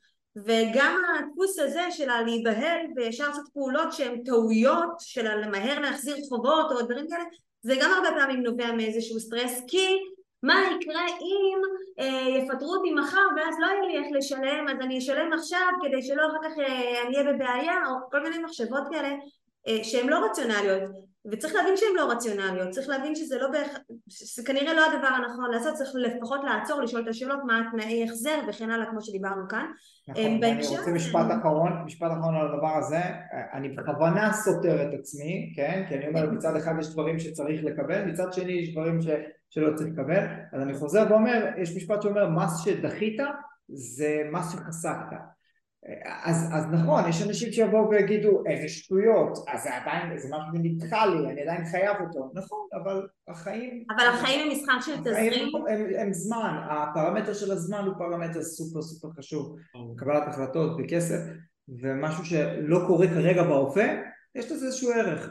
נכון, ובסוף אנחנו במשחק של תזרים, יש לנו איקס משאבים ואנחנו משחקים עם הזמן שבו אנחנו יכולים לנצל את המשאבים האלה, כאילו זה, זה זמן זה חלק מהמשאבים שלנו, אז בסוף צריך להסתכל על זה כתזרים בדיוק כמו שמסתכלים על זה על עסק.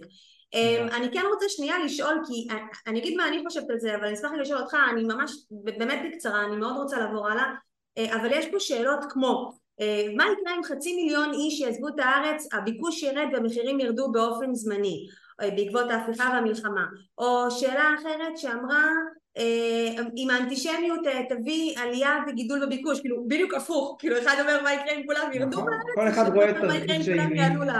כל אחד רואה תרחיש אימים אחר.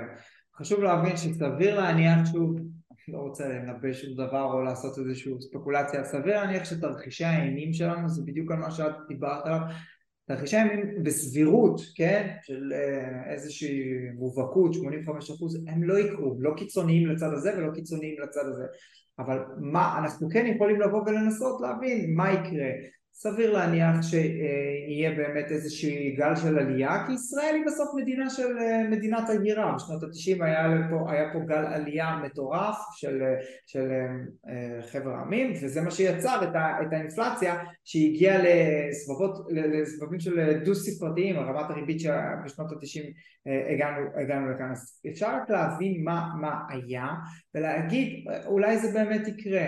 אני לא בקיא בכל נתוני יהדות התפוצה ומה קורה בגלים האנטישמיים בצרפת וכמה פוטנציאל הגירה יש משם. זה, זה דברים שצריך, כאילו זה דברים שאף בן אדם לא יודע. שוב, מסתכלים רגע ברמת דפוסי חשיבה ולא הכלכלה. ברגע ששני אנשים כותבים שתי ספקולציות כה קיצוניות וסותרות אחת את השנייה זה מראה שאי אפשר או לא נכון יהיה לקבל החלטה על פי אף אחת מהן.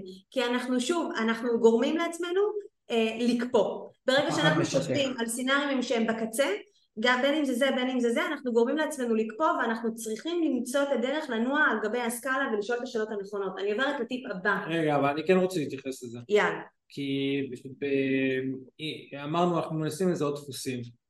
בישראל הדפוס הוא שאחרי מלחמות יש צמיחה. בסדר? יש תקופת המלחמה היא קשה ואחר כך אה, המדינה אה, משקיעה בתמריצים כדי לעודד צמיחה וגם צומחת תודעת לאומנות, בסדר? מה שנקרא הביטחון שלנו נמצא במקום הכי נמוך שלו, ככה תודעת הלאומנות או הלאומיות, איך שאתם רוצים תקראו לזה, הולכים וגדלים וצומחים ו... וכל הדברים האלה לרבות הכלים הפיננסיים שה... שהמדינה משתמשת בהם כדי לייצר צמיחה הם מואצים, אני קורא לזה כלכלת מלחמה, זה נכון. במלחמה כל המשאבים, תחשבו על זה ש... שיש גוף האדם חולה, כל המשאבים, החלשים, הכל מושקע בביטחון נכון. במקום הספציפי, בשנייה שנגמר האיום הביטחוני חוזר, חוזר בעצם כל המשאבים חוזרים להיות מופנים אל השוק ולצמיחה ו... וסביר להניח שזה, שזה ימשיך ויקרה, אגב זה נכון גם לגבי משברים אחרים, לא רק לגבי משברים ביטחוניים בעולם, בסדר? אה, אה, בסופו של דבר שברגע שיש משבר זה אתה נתת אני חושב דודי בהתחלה אה, אנלוגיה מאוד מאוד יפה תחשבו על קרקע על שדה שחורשים אותו הופכים את האדמה בסדר? למה הופכים את האדמה? הופכים את האדמה כדי שיהיה דשן יותר ואפשר יהיה להצמיח מחדש אותו הדבר ככה משבר זה הפיכת האדמה בשביל שאפשר יהיה לצמוח מחדש ואפילו, ואפילו חזק יותר. אנלוגיה מאוד יפה. אוקיי. Okay, אה, אני חושב רגע משפט ברשותך המילה להשקיע זה בדיוק מה שמתחבר למה שאיתי אומר בכל מקום כן מה זה מתחבר רגע לשורש להשקיע אנחנו מחפשים בסוף בתור משקיעים אנחנו מחפשים איפה להשקיע משהו מתחת לאדמה כדי שיצמח. לו, ולתת לו את הזמן לצמוח. ואם באמת הפכו לנו את הקרקע והקרקע עכשיו פוריה ויש שמש ויש מים ואנחנו מאמינים בשמש והמים אה, אז, אז המשהו הזה שווה לשים אותו מתחת לאדמה שווה לתת לו לשקוע כי, כי אז הוא רק לוותר בעצם על, ה, על הדבר הזה ואז הוא, ואז הוא יצמח, יצמח מאוד מהר, יצמח כמו במבוק. אבל אם משהו עכשיו הוא, יש בו איזושהי בעייתיות, איזשהו חולי, איזושהי, איזושהי מגמה לא טובה, ההשקעה הזאת יכול להיות שייקח לה יותר זמן. וכל בן אדם צריך לשאול את עצמו, עוד פעם זה מוטיב שחוזר על עצמו, ביחס לזמן, ביחס לתוכנית, ביחס למטרות, ליעדים, למה שהוא רוצה להשיג. אם מטרת ההשקעה היא לייצר אה, נכסים לנכדים, זה, זה אסטרטגיה מסוג אחד. אם עכשיו אנחנו לקראת גיל פרישה, מה שנקרא מודל צ'יליאני, אז ואנחנו רוצים את הכסף יחסית מהר, שלוש, ארבע, חמש שנים, האסטרטגיית השקעה היא אחרת, וזה משהו שחשוב להבין. אז אם אנחנו מסתכלים רגע על איפה אנחנו היינו עד עכשיו, דיברנו על המחזוריות של משברים, אה, וכתוצאה מכך על הצורך להיערך לזה, דיברנו על זה שהדבר שהכי אה, יוגדר כטעות לעשות בזמן משבר זה פשוט לא לעשות, צריך להיות באיזושהי עשייה, העשייה מתחילה מלהבין באמת מה יש לי וכמה גם כסף... שיעורי בית זה עשייה. בדיוק, מה, כמה יש לי, זה השיעורי בית שלי, מה הכסף שלי, כמה, איפה הכסף שלי נמצא, מה אני יכול לעשות איתו, איפה אני יכול להשקיע אותו, once הבנתי את זה, לקחת בחשבון שהלוואות למיניהן, חובות למיניהן, זה לא הדבר הראשון שאני רוצה לעשות עם הכסף שלי. לפרוע הלוואות. בדיוק, לפרוע. שזה מאוד קשה, מיטל, אני חייב רגע לעצור אותך, זה מאוד קשה, כי זה כאילו נגד ההיגיון הבסיסי שלנו לעשות דווקא בזמן אה, אה, ש, שקשה ויש חדשות וזה, לבוא ולעשות עכשיו שיעורי בית, זה נשמע לי כאילו איזשהו טיפ שככה יש איזה דיסוננס איתו, אבל לא, זה בדיוק, זה בדיוק העניין. העולם שייך למי שעושה, למי שלוקח סיכונים, למי שלא מוותר במרכאות, כן, מוותר לעצמו עכשיו על שיעורי הבית ונקלע לעוד ערב מול החדשות, אלא אומר אוקיי בסדר, את החדשות אני אצרוך, אנחנו מעורבים בצורה טוטאלית, אבל, אבל אני אעשה את זה בזמן שלי, אחרי זה אני אתעדכן ואני עדיין אעשה את ה... אני אקח את הסיכונים כי מה לעשות, יש גרף אחד שהוא סופר חשוב לשים אותו על השולחן וזה סיכון מול תשואה. אז יש סיכונים שאנחנו מוכנים לקבל, יכולים לישון איתם בלילה בשקט ויש, ויש סיכונים שלא ואנחנו רוצים למקסם את, ה, את הדבר הזה, מינימום סיכון, מקסימום תשואה אתה יודע מה מתחבר למה שאתה אומר לעולם של סיכונים וזה תודעת משקיע, בסדר? ואני כאילו אה, אה, אתם מדברים על אה, להכיר את הכסף שלנו ומה אנחנו יכולים לעשות איתו. אני בתפיסתי כמשקיע וכיזם אני לא חושב על הכסף שלי, אני חושב איפה אני יכול לגייס עוד כסף. איפה, מאיזה בנק אני יכול לקחת עוד הלוואות באיזה תנאים טובים בשביל, בשביל לעשות יותר השקעות איפה אני יכול למצוא עוד כסף? לא רק הכסף שלי, כן? לעשות, לחפש גם את, ה, את המקומות של עוד כסף שאני יכול להביא בשביל לעשות עוד השקעות. כי הפונקציית סיכון אצלך בראש יושבת כבר, אה, יושבת והיא כבר אדוקה, כמו שאתה אומר זה שריר, זה תודעת משקיע, זה משהו שצריך לפתח, לראות הצלחות, לראות כאילו את ה... את ה לזרוק לסל ולקלוע, לזרוק לסל ולקלוע ולראות גם מה קורה כשלא קולים, זה, זה איזשהו, איזשהו שריר, ואז השריר הזה שהוא מאומן הוא עובד, אה, הוא עובד יותר טוב. אני רק אגיד משהו אחד לגבי סיכונים, זה לא שאנחנו אה, מייעצים פה אנשים לקחת סיכון, אבל בסוף זה, זה פונקציית ההשקעה, זה, זה הגרף הראשון בתורת... אני אחד לאנשים לקחת סיכון. לא, אני רק, אני חייב לתת פה דיסקלמר. אתה אסור לך כיועץ פיננסי, אני לא, אומרת לאנשים... אני אומר בסוף רק דבר אחד, פונקציית ההשקעה יושבת אל מול סיכון, זה הגרף הראשון בכל תורת ההשקעות. סיכון גבוה, תשואה גבוהה.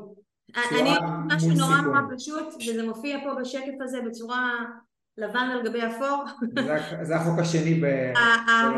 ההבנה שאני יכולה לבחור להתבונן אה, ולנתח הזדמנות כסיכון או כסיכוי וכשאתה ודיברנו לפני רגע על תודעת משקיעים על תודעת יזמים, על תודעת אנשים שלא יקפאו בזמן משבר אלא יעשו פעולות שאולי יתחילו משיעורי בית וימשיכו קדימה לפעולות נוספות זה להבין איפה הסיכוי שלי נמצא ואין חיה כזאת, אין חיה כזאת לא בזמן מלחמה ולא בזמן שגרה ולא בזמן משבר ואין חיה של סיכוי בלי סיכון, אין נכון. חיה. גם השאלה על הפק"ם, גם בסוף הפק"ם יש סיבה למה ניתנת שם תשואה, כי בסוף את הכסף נותנים למישהו שהוא לא אנחנו, אפילו אם זה גוף פיננסי מוסד שהוא ידוע והוא עושה פרסומות בטלוויזיה, בסוף יש שם איזשהו פרמטר מסוים של סיכון או מלווה או משהו, ש... משהו שיכול לקרות, ברור שיש יש, בין, שני, בין שני הכוחות שדיברנו עליהם קודם זה סיכון וזמן אז יש פה יותר, יותר משקל להיבט של הזמן, שאתה מוכן להיפרד מהכסף למשך זמן, יש לו יותר משקל אל מול הסיכון שמדברים על פק"ם, אבל אה, השקעות אחרות יש אפשרות לקצר זמנים ולהגדיל סיכון אם ישנים עם זה בלילה. משפט אחרון על סיכון, יש סיכונים שאנחנו ישנים איתם טוב בלילה ויש סיכונים שלא וזה עולם הביטוח, אנחנו מעבירים ב outsource את הסיכון למישהו כדי שאנחנו נוכל לישון טוב בלילה, זה המשמעות של ביטוח מקיף לרכב, אני לא יכול כל שנייה לבדוק את הרכב שלי בחלון, לראות שהוא עדיין שם כי השארתי מזוודה של 100, 200, 300 אלף שקל אה, ברחוב ומישהו פשוט יכול לבוא ולהרים אותה, אני מעביר את הסיכון הזה למישהו אחר שייקח את הסיכון הזה ממני תמורת כמה אלפי שקלים, הוא מפזר את הסיכון הזה על ידי כל השכונה, כל הארץ וכו', ונוצרת איזושהי אה, אה, ביקוש ונוצר... אני מאוד אוהבת את הדוגמה הזאת כי אם האנשים היו מדברים ככה על נושא של אה, ביטוח רכב, לא כולם היו עושים ביטוח רכב. אם הם היו אומרים, אני שם כרגע את הכסף, את האוטו שלי, את השלוש מאות אלף שקל, שמתי בחוץ. אם מישהו ייקח, הוא ייקח, אני אקנה רכב חדש. אם לא, אז אני אשים בינתיים אצל איזה, אה, איזה סוכן ביטוח שאני כמה גרושים. אגב, זה collective, אפשר לפזר את הסיכונים האלה בצורה פרטית. יש אנשים שעושים פיזור סיכונים כל הבניין יכול לעשות pool, זה, זה המשמעות של למשל של ה pool, ה pool זה מי שהחברות ביטוח לא רוצות לבטח, אז המדינה יצרה חברת ביטוח שכולם חייבים להשתתף בה, לא משנה, והם מפזרים את הסיכון על ידי זה שכל רוכבי הקטנועים נמצאים באותו pool, הסיכוי שלכל הקטנועים יקרה משהו באותו יום הוא נמוך, נכון הוא עדיין יותר גבוה ממכוניות, אבל הם לא יושבים באותה, באותה חברה, באותה... באותה לא, אבל, אבל מה שאני רוצה להגיד, אם מסתכלים על זה, יש אה, אה, סיכונים שחינכו אותנו לקחת. כאילו, אנשים... נכון, לא... אבל כל דבר צריך לבחון. ו... נכ... כן, אבל... ב-20 אלף שקל פוליסת ביטוח מקיף אנשים היו מבינים אותך יותר טוב, ובסוף הכל אל מול, אל מול uh, מחיר. כן, אבל זה משהו שמטריף אותי, כי, כי אנחנו לא נעשה שיח שלם על הדבר הזה, אני רק חייבת להגיד את זה. לא מחנכים אותנו להשקיע בנדל"ן לצורך העניין. מחנכים אותנו לשים את הכסף בפנסיות, על ביטוח בריאות, אה, ביטוח אה, רכב, ועל המקומות האלה אין לנו סימן שאלה בכלל. אנשים אין להם שום סימן שאלה אם לשים את הכסף בפנסיות. עכשיו גם יש חוק שמחייב אותי לעשות את זה, אבל גם בלי החוק הזה, לאנשים זה נראה מאוד הגיוני. מקבלים שם גרוש וחצי, אבל זה נראה להם מאוד הגיוני. נראה להם מאוד הגיוני על פני, על פני כלל זה כמו הנחיות פיקוד העורף. ברור שעל פני כלל כולנו חייבים להישמע ולהקשיב להנחיות, אבל האדם הספציפי בסוף צריך לקבל החלטה אל מול, אה, אם עכשיו אני צריך לפרוק את כל הילדים מהאוטו ולהסתכן בזה שאני עומד באיילון באמצע הכביש, מה יותר מסוכן לי, אז כל אחד צריך לקבל את ההחלטה שלו. אני מסכים שבסוף הרבה מאוד בעלי עסקים, כמו שאיתי אמר שיש להם את החינוך של סיכון מול צהר והשריר הזה הוא מאוד מפותח, הם אומרים, שוב אני לא בעד, כן, אני רק אומר שזה מה שאני רואה הרבה פעמים, הם לא חוסכים לפנסיה בדרכים המקובלות, הם לא נותנים את הכסף שלהם עכשיו לאיזושהי חברה שלא יודעים אם המקדם גיל שם יעלה או אם יש שם בכלל כסף, הם אומרים אני חוסך לפנסיה בדרך אחרת, אני, אה, יש לי עכשיו, אה, או שיש לי פנסיה אלטרנטיבית, בסדר? ברוך השם יש לי הורים שיחיו עד 120, 130, 150 אבל גם, גם הגיל הזה מתישהו יגיע זה הפנסיה שלי הנכס הזה יתחלק בין שלוש אחים, זה הפנסיה שלי, אני את כל שאר המשאבים שלי יכול להפנות כרגע לאפיקים של טיפה יותר, עם פרופיל סיכון טיפה יותר גבוה, אבל הם יאפשרו לי תשואה יותר טובה בפנסיה שלי, זאת אומרת אני בעצם דואג לעצמי בזה שאני לא דואג ל... שלא דואג לעצמי. באפיקים המקובלים של החיסכון לפנסיה. אז באמת כלל האצבע הוא בכל מה שזה לא יהיה להיות כן בהשקעה. אני אשאל כאן שאלות ששאלו אותנו בצ'אט, אם אפשר לענות עליהן בקצרה. אה, השקעות כמו זהב, השקעות כמו קריפטו אה, ותיק השקעות, האם לעשות את זה לבד או להיעזר בגורמים מסוימים, אם אפשר באמת דודי משפט על כל דבר כי אנחנו חייבים לסיים. באופן כללי אה, ככל שהזמנים יותר מסוכנים אנשים חוזרים יותר למקורות וזה מתי שאנחנו רואים השקעות בסחורות, קומיוניטי, זהב, נפט וכולי אז שם ההשקעות האלה עולות, מה שקורה שהביקוש של הדברים אה, עולה, אז המחירים עולים, אז הזהב עולה וכולי וכולי. זה נכון באופן נקודתי, זה נכון לאנשים שהם סוחרים מאוד, אה, מאוד מיומנים ויודעים לנצל את הדבר הזה ואז למכור, אני ככלל אצבע אומר לא לגעת בדברים האלה, אה, שוב זה, זה כל אחד והפרופיל סיכון שהוא רוצה לקחת אבל מה שנקרא ספקולטיביים, השקעות ספקולטיביות, מטבעות מבוזרים, כל הקריפטו, כל העולם הזה זה עולם שהוא מאוד מאוד תנודתי, יש אנשים שיכולים להרוויח מהתנודתיות הזאת, מהתנודתיות הזאת, אבל המג'וריטי 85% ולכן אני בטוח להגיד את הכלל הזה, 85% לא מבינים כל כך מה, מה הם עושים בדברים האלה ועדיף לא לגעת, עדיף לעשות דברים שמבינים שאפשר לכמת אה, וזה גם התשובה לגבי אה, לגבי תיק השקעות, להקים תיק השקעות, כל אחד יכול, אפשר לעשות את זה בצורה וירטואלית ולשחק עם הדברים וירטואלית בלי כסף, אפשר להקים באמת איזשהו, לעקוב אחרי כל מיני מניות ולעשות, להקים תיק השקעות לבד, אפשר להיעזר בגורמי, באנשי מקצוע. אבל החוק ש, ש, שאני רוצה להגיד רק על הדבר הזה וזה גם קשור לשקף הקודם חוק מספר 2, כן? כי החוק הראשון אמרנו זה סיכון מול תשואה, החוק המספר 2 בתורת ההשקעות זה בעצם אה, פיזור סיכונים. לא לשים את כל הביצים בסל אחד, אה, זה, זה המשפט הכי נכון שיכול להיות.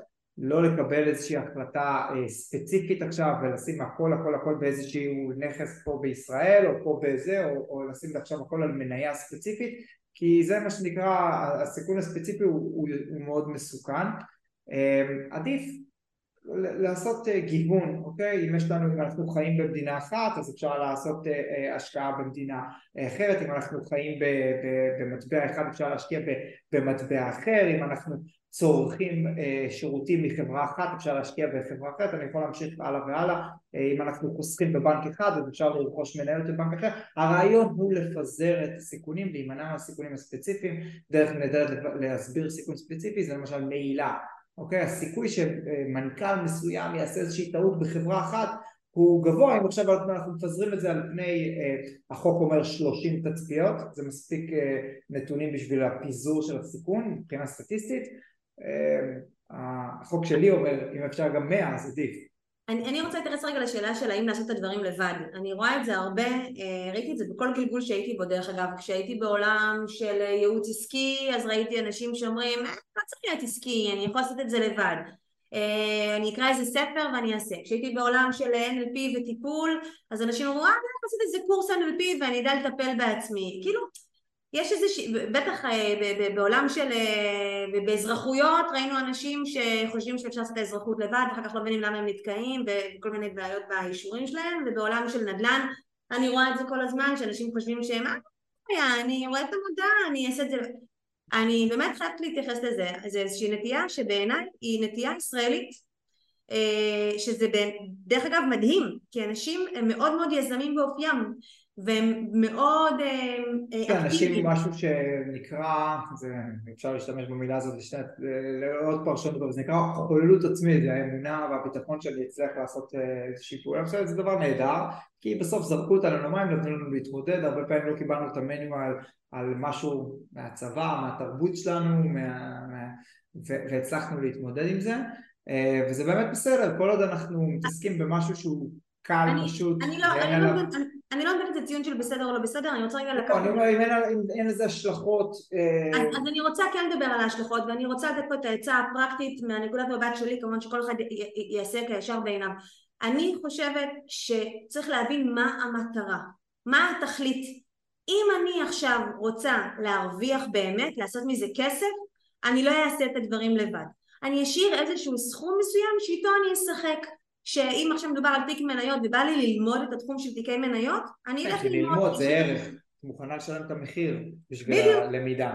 זה השכר לימוד שלי מבחינתי, כסף שאני שמה ואני משחקת איתו ואם אני אפסיד, אני אפסיד, אבל למדתי את חוקי המשחק. אה, אותו דבר גם בנדל"ן, אין שום בעיה לעשות את זה לבד, צריך להבין שזה כנראה יהיה לי פחות משתלם ואני חושב שכן, אבל בסוף אני אראה שזה יהיה לי פחות משתלם כי גם אם אני אשלם עכשיו נכון, תמיד הכל תלוי, אבל אם אנחנו נסתכל רגע על שלושה אחוז או מה שלוקחים בדרך כלל עמלות של חברות שעושות אה, ליווי כזה, בסוף אנחנו רואים שהליווי הזה חוסך כל כך הרבה זמן וכסף ועסקאות טובות ומשכנתאות יותר טובות בשביל שבסוף חוסכות לי תכלס כסף. זאת אומרת שבסוף אני אחסוך כנראה הרבה יותר כסף, ההשקעה תהיה הרבה יותר חכמה כאשר אני אעזר אה, אה, באנשי מקצוע כמובן טובים, נאמנים, מהימנים וכולי עדיין אם אני רוצה ללמוד את התחום התכלית היא תכלית של ללמוד היא לא תכלית של לעשות כסף ולכן שההחלטה מה התכלית אה, זה מה, ש, זה מה שיעזור לי כאן. אה, אני כן רוצה שתתייחס בבקשה אה, לשאלה של כלל האצבע ואתה יכול דרך זה גם לענות לשאלה שהייתה על הפנסיה על העניין של לחפש הזדמנויות והכלל האצבע זה שזה תואם פרופיל סיכון. זאת אומרת מה זה המילה הזאת תואם פרופיל סיכון? איך אני יכולה מזה להסיק לגביי מיטל איתי לגבי איתי ופלוני לגבי פלוני הדבר שהכי יוצר הזדמנויות בשווקים, כמו שאיתי אמר, זה תנוע, תנועתיות, זה התנועיות, משהו שעכשיו אנחנו נמצאים בתנועה, אותו טרקטור שעכשיו הופך את הקרקע, מערבל את הים, הדגים שאף פעם לא היו מגיעים אלינו, אנחנו יכולים פתאום לדוג אותם, ההזד... זה, זה בעצם ההזדמנויות. ואפשר להסביר את זה בצורה אחרת, ההפך מהזדמנויות זה ים שקט ורגוע והפלגה מאוד מאוד איטית ו... ועכשיו יש איזושהי עלייה ויש איזושהי תשואה אבל היא מאוד מאוד ארוכה ולינארית ו... ואין פה יותר מדי אה, הזדמנויות בעולם ההשקעות בשוק ההון זה נקרא אה, עושי שוק. זאת אומרת שיש, שיש מעט מאוד אה, עסקאות ויש עכשיו מישהו אחד שבא ועסקה אחת שבאה ומשנה פתאום את כל השוק זה לא שוק שהוא מספיק גדול מספיק מבוזר וזה המשמעות של בורסה זה בסוף סוג שוק משוכלל שיש בו המון המון שחקנים והמון המון עסקאות והדברים בסוף מאוד, מאוד חכמים ומתפזרים מעצם, מעצם הדבר הזה ו, וברגע שיש את אותה סטגנציה, אין קנייה, אין מכירה, אין עסקאות, בוא נדמה את זה למשהו שאנחנו יכולים יותר להתחבר אליו, בסדר? איזשהו שוק נדל"ן באיזושהי עיירה נידחת, אז אין פה יותר מדי הזדמנויות. ו, ואנחנו בסוף בתור משקיעים, וזה, וזה בסוף העולם שאנחנו רוצים להשפיע עליו, על עולם המשקיעים, אנחנו מחפשים את ההזדמנויות, אנחנו מחפשים איפה עכשיו הקרקע פוריה, איפה, איפה יש לנו את אותם אה, את אותן הזדמנויות ומה שהכוונה בפרופיל משהו שיהיה תואם את פרופיל הסיכון דיברתי על זה מקודם בשתי מילים זה הנושא של מה המטרות שלנו אם אנחנו רוצים עכשיו לחסוך ולראות את התשואה על פני, על פני זמן בעוד 30 שנה או שאנחנו רוצים לראות את הדברים כבר תוך שנתיים שלוש מה שנקרא פליפים בנדל"ן או, או היפוכים או כל מיני אסטרטגיות של אופציות פרפר או כף כל מיני דברים כאלה, שורטים, אז ככל שאנחנו רוצים יותר זמן יותר קצר אנחנו צריכים לקחת יותר סיכונים. אה, ככל שאנחנו רוצים זמן יותר ארוך הזמן בעצם מפזר לנו את הסיכון עד כדי אה, כאילו 20-30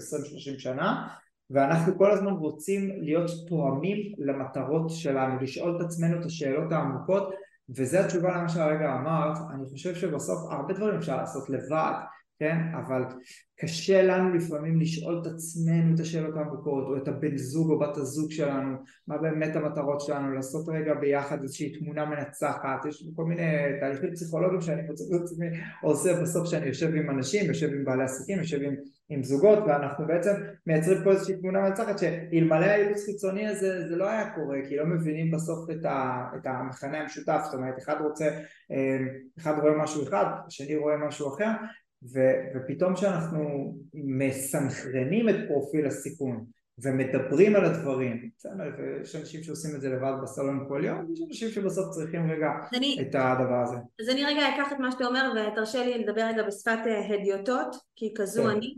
פרופיל סיכון זה בתכלס אומר אה, כמה כסף יש לי ותוך כמה זמן אני רוצה לראות יותר כסף.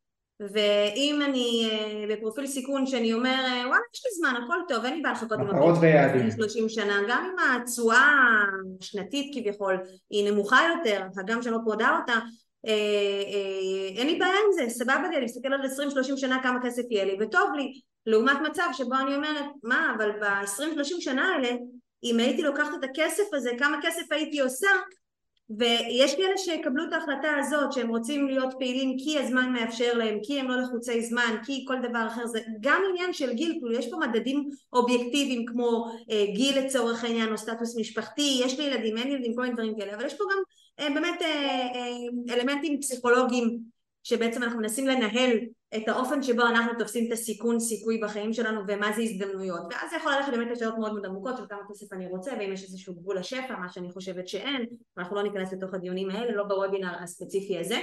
אה, אנחנו אה, בעצם דיברנו ב, ב, אם אנחנו עושים כזה קוויק ריוויו אה, כזה על כל מה שעשינו דיברנו על החמש חמשת הטיפים למה איך להתנהל בתקופת מלחמה ודיברנו על אה, זה שקודם כל אנחנו חייבים לעשות משהו ולא לקפוא במקום.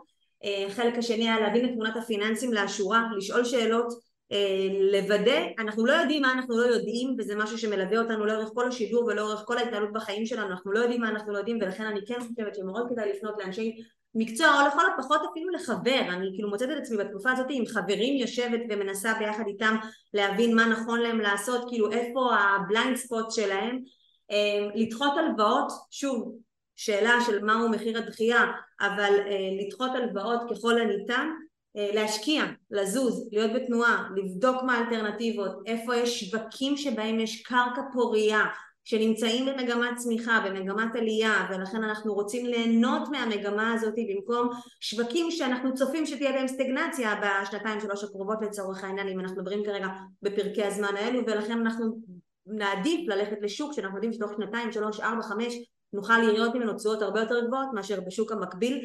אה, בשוק, כשאני אומרת שוק, אני מדברת שוק, יש לי נדל"ן בראש, אבל כמובן שזה כל אפיק השקעה, אוקיי? חלופי. אה, ותמיד לחפש הזדמנויות שתעמוד את פרופיל הסיכון שלי, שבעצם כאן יש שני אלמנטים, להבין את פרופיל הסיכון שלי, לבוא ולהגדיר אותו, ואז מתוך זה למצוא, לחפש הזדמנויות שתואמות את פרופיל, ה, את פרופיל הסיכון הזה. אה, היה שקף בהתחלה שדיבר על השירותים שאנחנו נותנים אותם, אה, אני לא ארחיב על זה כרגע, אנחנו אה, צללנו כבר לתוך שיח מאוד מאוד כלכלי, אני כן רוצה להגיד שאם מישהו פה מתלבט על האלטרנטיבות שלפחות ברמת הנדל"ן קיימות עבורו, הצוות שלנו הוא צוות של יועצי נדל"ן אנחנו לא יועצים פיננסיים, ומי שירצה ייעוץ פיננסי שיפנה לדודי, עוד רגע יהיה פה אה, שקף אה, אה, שיראה גם איך אפשר למצוא אותו ולהגיע אליו, אנחנו לא יועצים פיננסיים, אנחנו יועצי נדל"ן, אנחנו עובדים בפורטוגל, המודלים המרכזיים שאנחנו עובדים איתם, או שיטת העבודה שאיתה אנחנו עובדים, היא שיטה שמתבוננת על השקעות דרך המשקפיים שדיברנו עליהם בוובינר הזה, כלומר דרך משקפיים של בחינת סיכונים אל מול סיכויים. אנחנו מדברים בשפה של פיזור השקעות, אנחנו מחפשים אה, אה, עסקאות שנותנות מענה למודל הפיננסי שנכון לכל okay. משקיע. כלומר כשאתם תגיעו לפגישה אצלנו עם דוידי או נפתלי אה, בחברה, אתם תבינו בעצם אה, מה המודל הפיננסי שנכון לכם, מה אסטרטגיית ההשקעה שנכונה לכם, האם זו אסטרטגיה שמחפשת לקצור את הפירות תוך שנתיים שלוש, האם זו אסטרטגיה שעכשיו מחפשת run? ובעצם דרך השפה הזו אנחנו נבין איזה פרויקטים אנחנו הולכים להציע לכם. אנחנו לא עובדים אה, כמו הרבה חברות אחרות של נדל"ן בישראל בעולם אה, בפורמט של לקחנו פרויקט בבלעדיות עכשיו אנחנו מוכרים אותו לכולם בדיוק את אותו מוצר. אנחנו עובדים בצורה קצת אחרת שבה אנחנו רוצים להבין מה נכון לכם ברמת הסיכון סיכוי שלכם פרופיל ההשקעה שלכם וכל מה שדיברנו עליו קודם ובהתאם לכך אנחנו מציעים לכם את ה... אמ, את, ה, את, ה, את, ה, את הפרויקט או את הנכס שרלוונטי אליכם. אה, כמובן שהכל מגיע עם מחשבונים עם הרבה מאוד פירוט למידע אה, שצריך לדעת אותו עם שאלות שצריך לשאול. אמ, וזה לגבי מה שאנחנו יכולים להציע לכם בתקופה הזאת. ואני אוסיף לזה שמעבר להתאמה האישית לפרופיל הסיכון וליכולות ההון וכל מה שמיטל דיברה עליו אנחנו מתעסקים המון וזה בעיקר גם התפקיד שלי אה, בקונטקסט בסדר? והקונטקסט הוא מאוד מאוד חשוב כי אנחנו מדברים פה על השקעות ספציפיות לאנשים ספציפיים אבל אנחנו גם מדברים על שווקים שהם צומחים ובתוך השווקים שהם צומחים יש אזורי ביקוש ובתוך אזורי הביקוש יש הזדמנויות שהן יותר אטרקטיביות ויש הזדמנויות שהן פחות אטרקטיביות. יש אזורים שהם by definition אני כמי שמתמחה בנדל"ן בפורטוגל לא נוגע. למה? כי, כי פרופיל הביקושים הוא לא כמו שיכול להיות באזורים אחרים עם ביקושים גבוהים יותר. אז, אז הקונטקסט הוא לא פחות חשוב מאשר ההתאמה האישית ואנחנו נוגעים ואנחנו נעבור איתכם גם על הקונטקסט ואנחנו אה, כל הזמן עוקבים ומנתחים את השוק ורואים את המגמות ואת התוכניות העירוניות בשביל לדעת מה הטוב ביותר עבור האזורים הספציפיים שבהם אנחנו עובדים ואנחנו מחפשים סביב מוקדי העניין החשובים והמרכזיים שבעיר אה, וזה חלק מה, מהעניין אה, להשקיע בסביבה צומחת עם ביקושים קשיחים ועם כשל שוק שאנחנו יודעים לתת לו את המענה.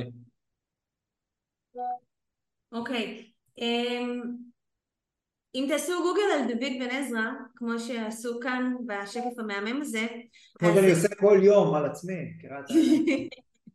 אז תגידו לנו אם הוא מופיע בתוצאה הראשונה בגוגל או לא. אצל, אצלי הוא הופיע בתוצאה הראשונה בגוגל, מעניין אם זה חיפוש... אני שם דוד בן עזרא ויוצא לי עברי לידר. אני יכול להתחיל לשיר, אבל אני לא חושב שאנשים יישארו פה על הקו. אז, אז אם אתם תעשו דוד בן עזרא, אתם תגיעו להרבה מאוד אפשרויות של איך ליצור קשר עם דודי, עם החברה שלו, עם היועצים שלו, איתו,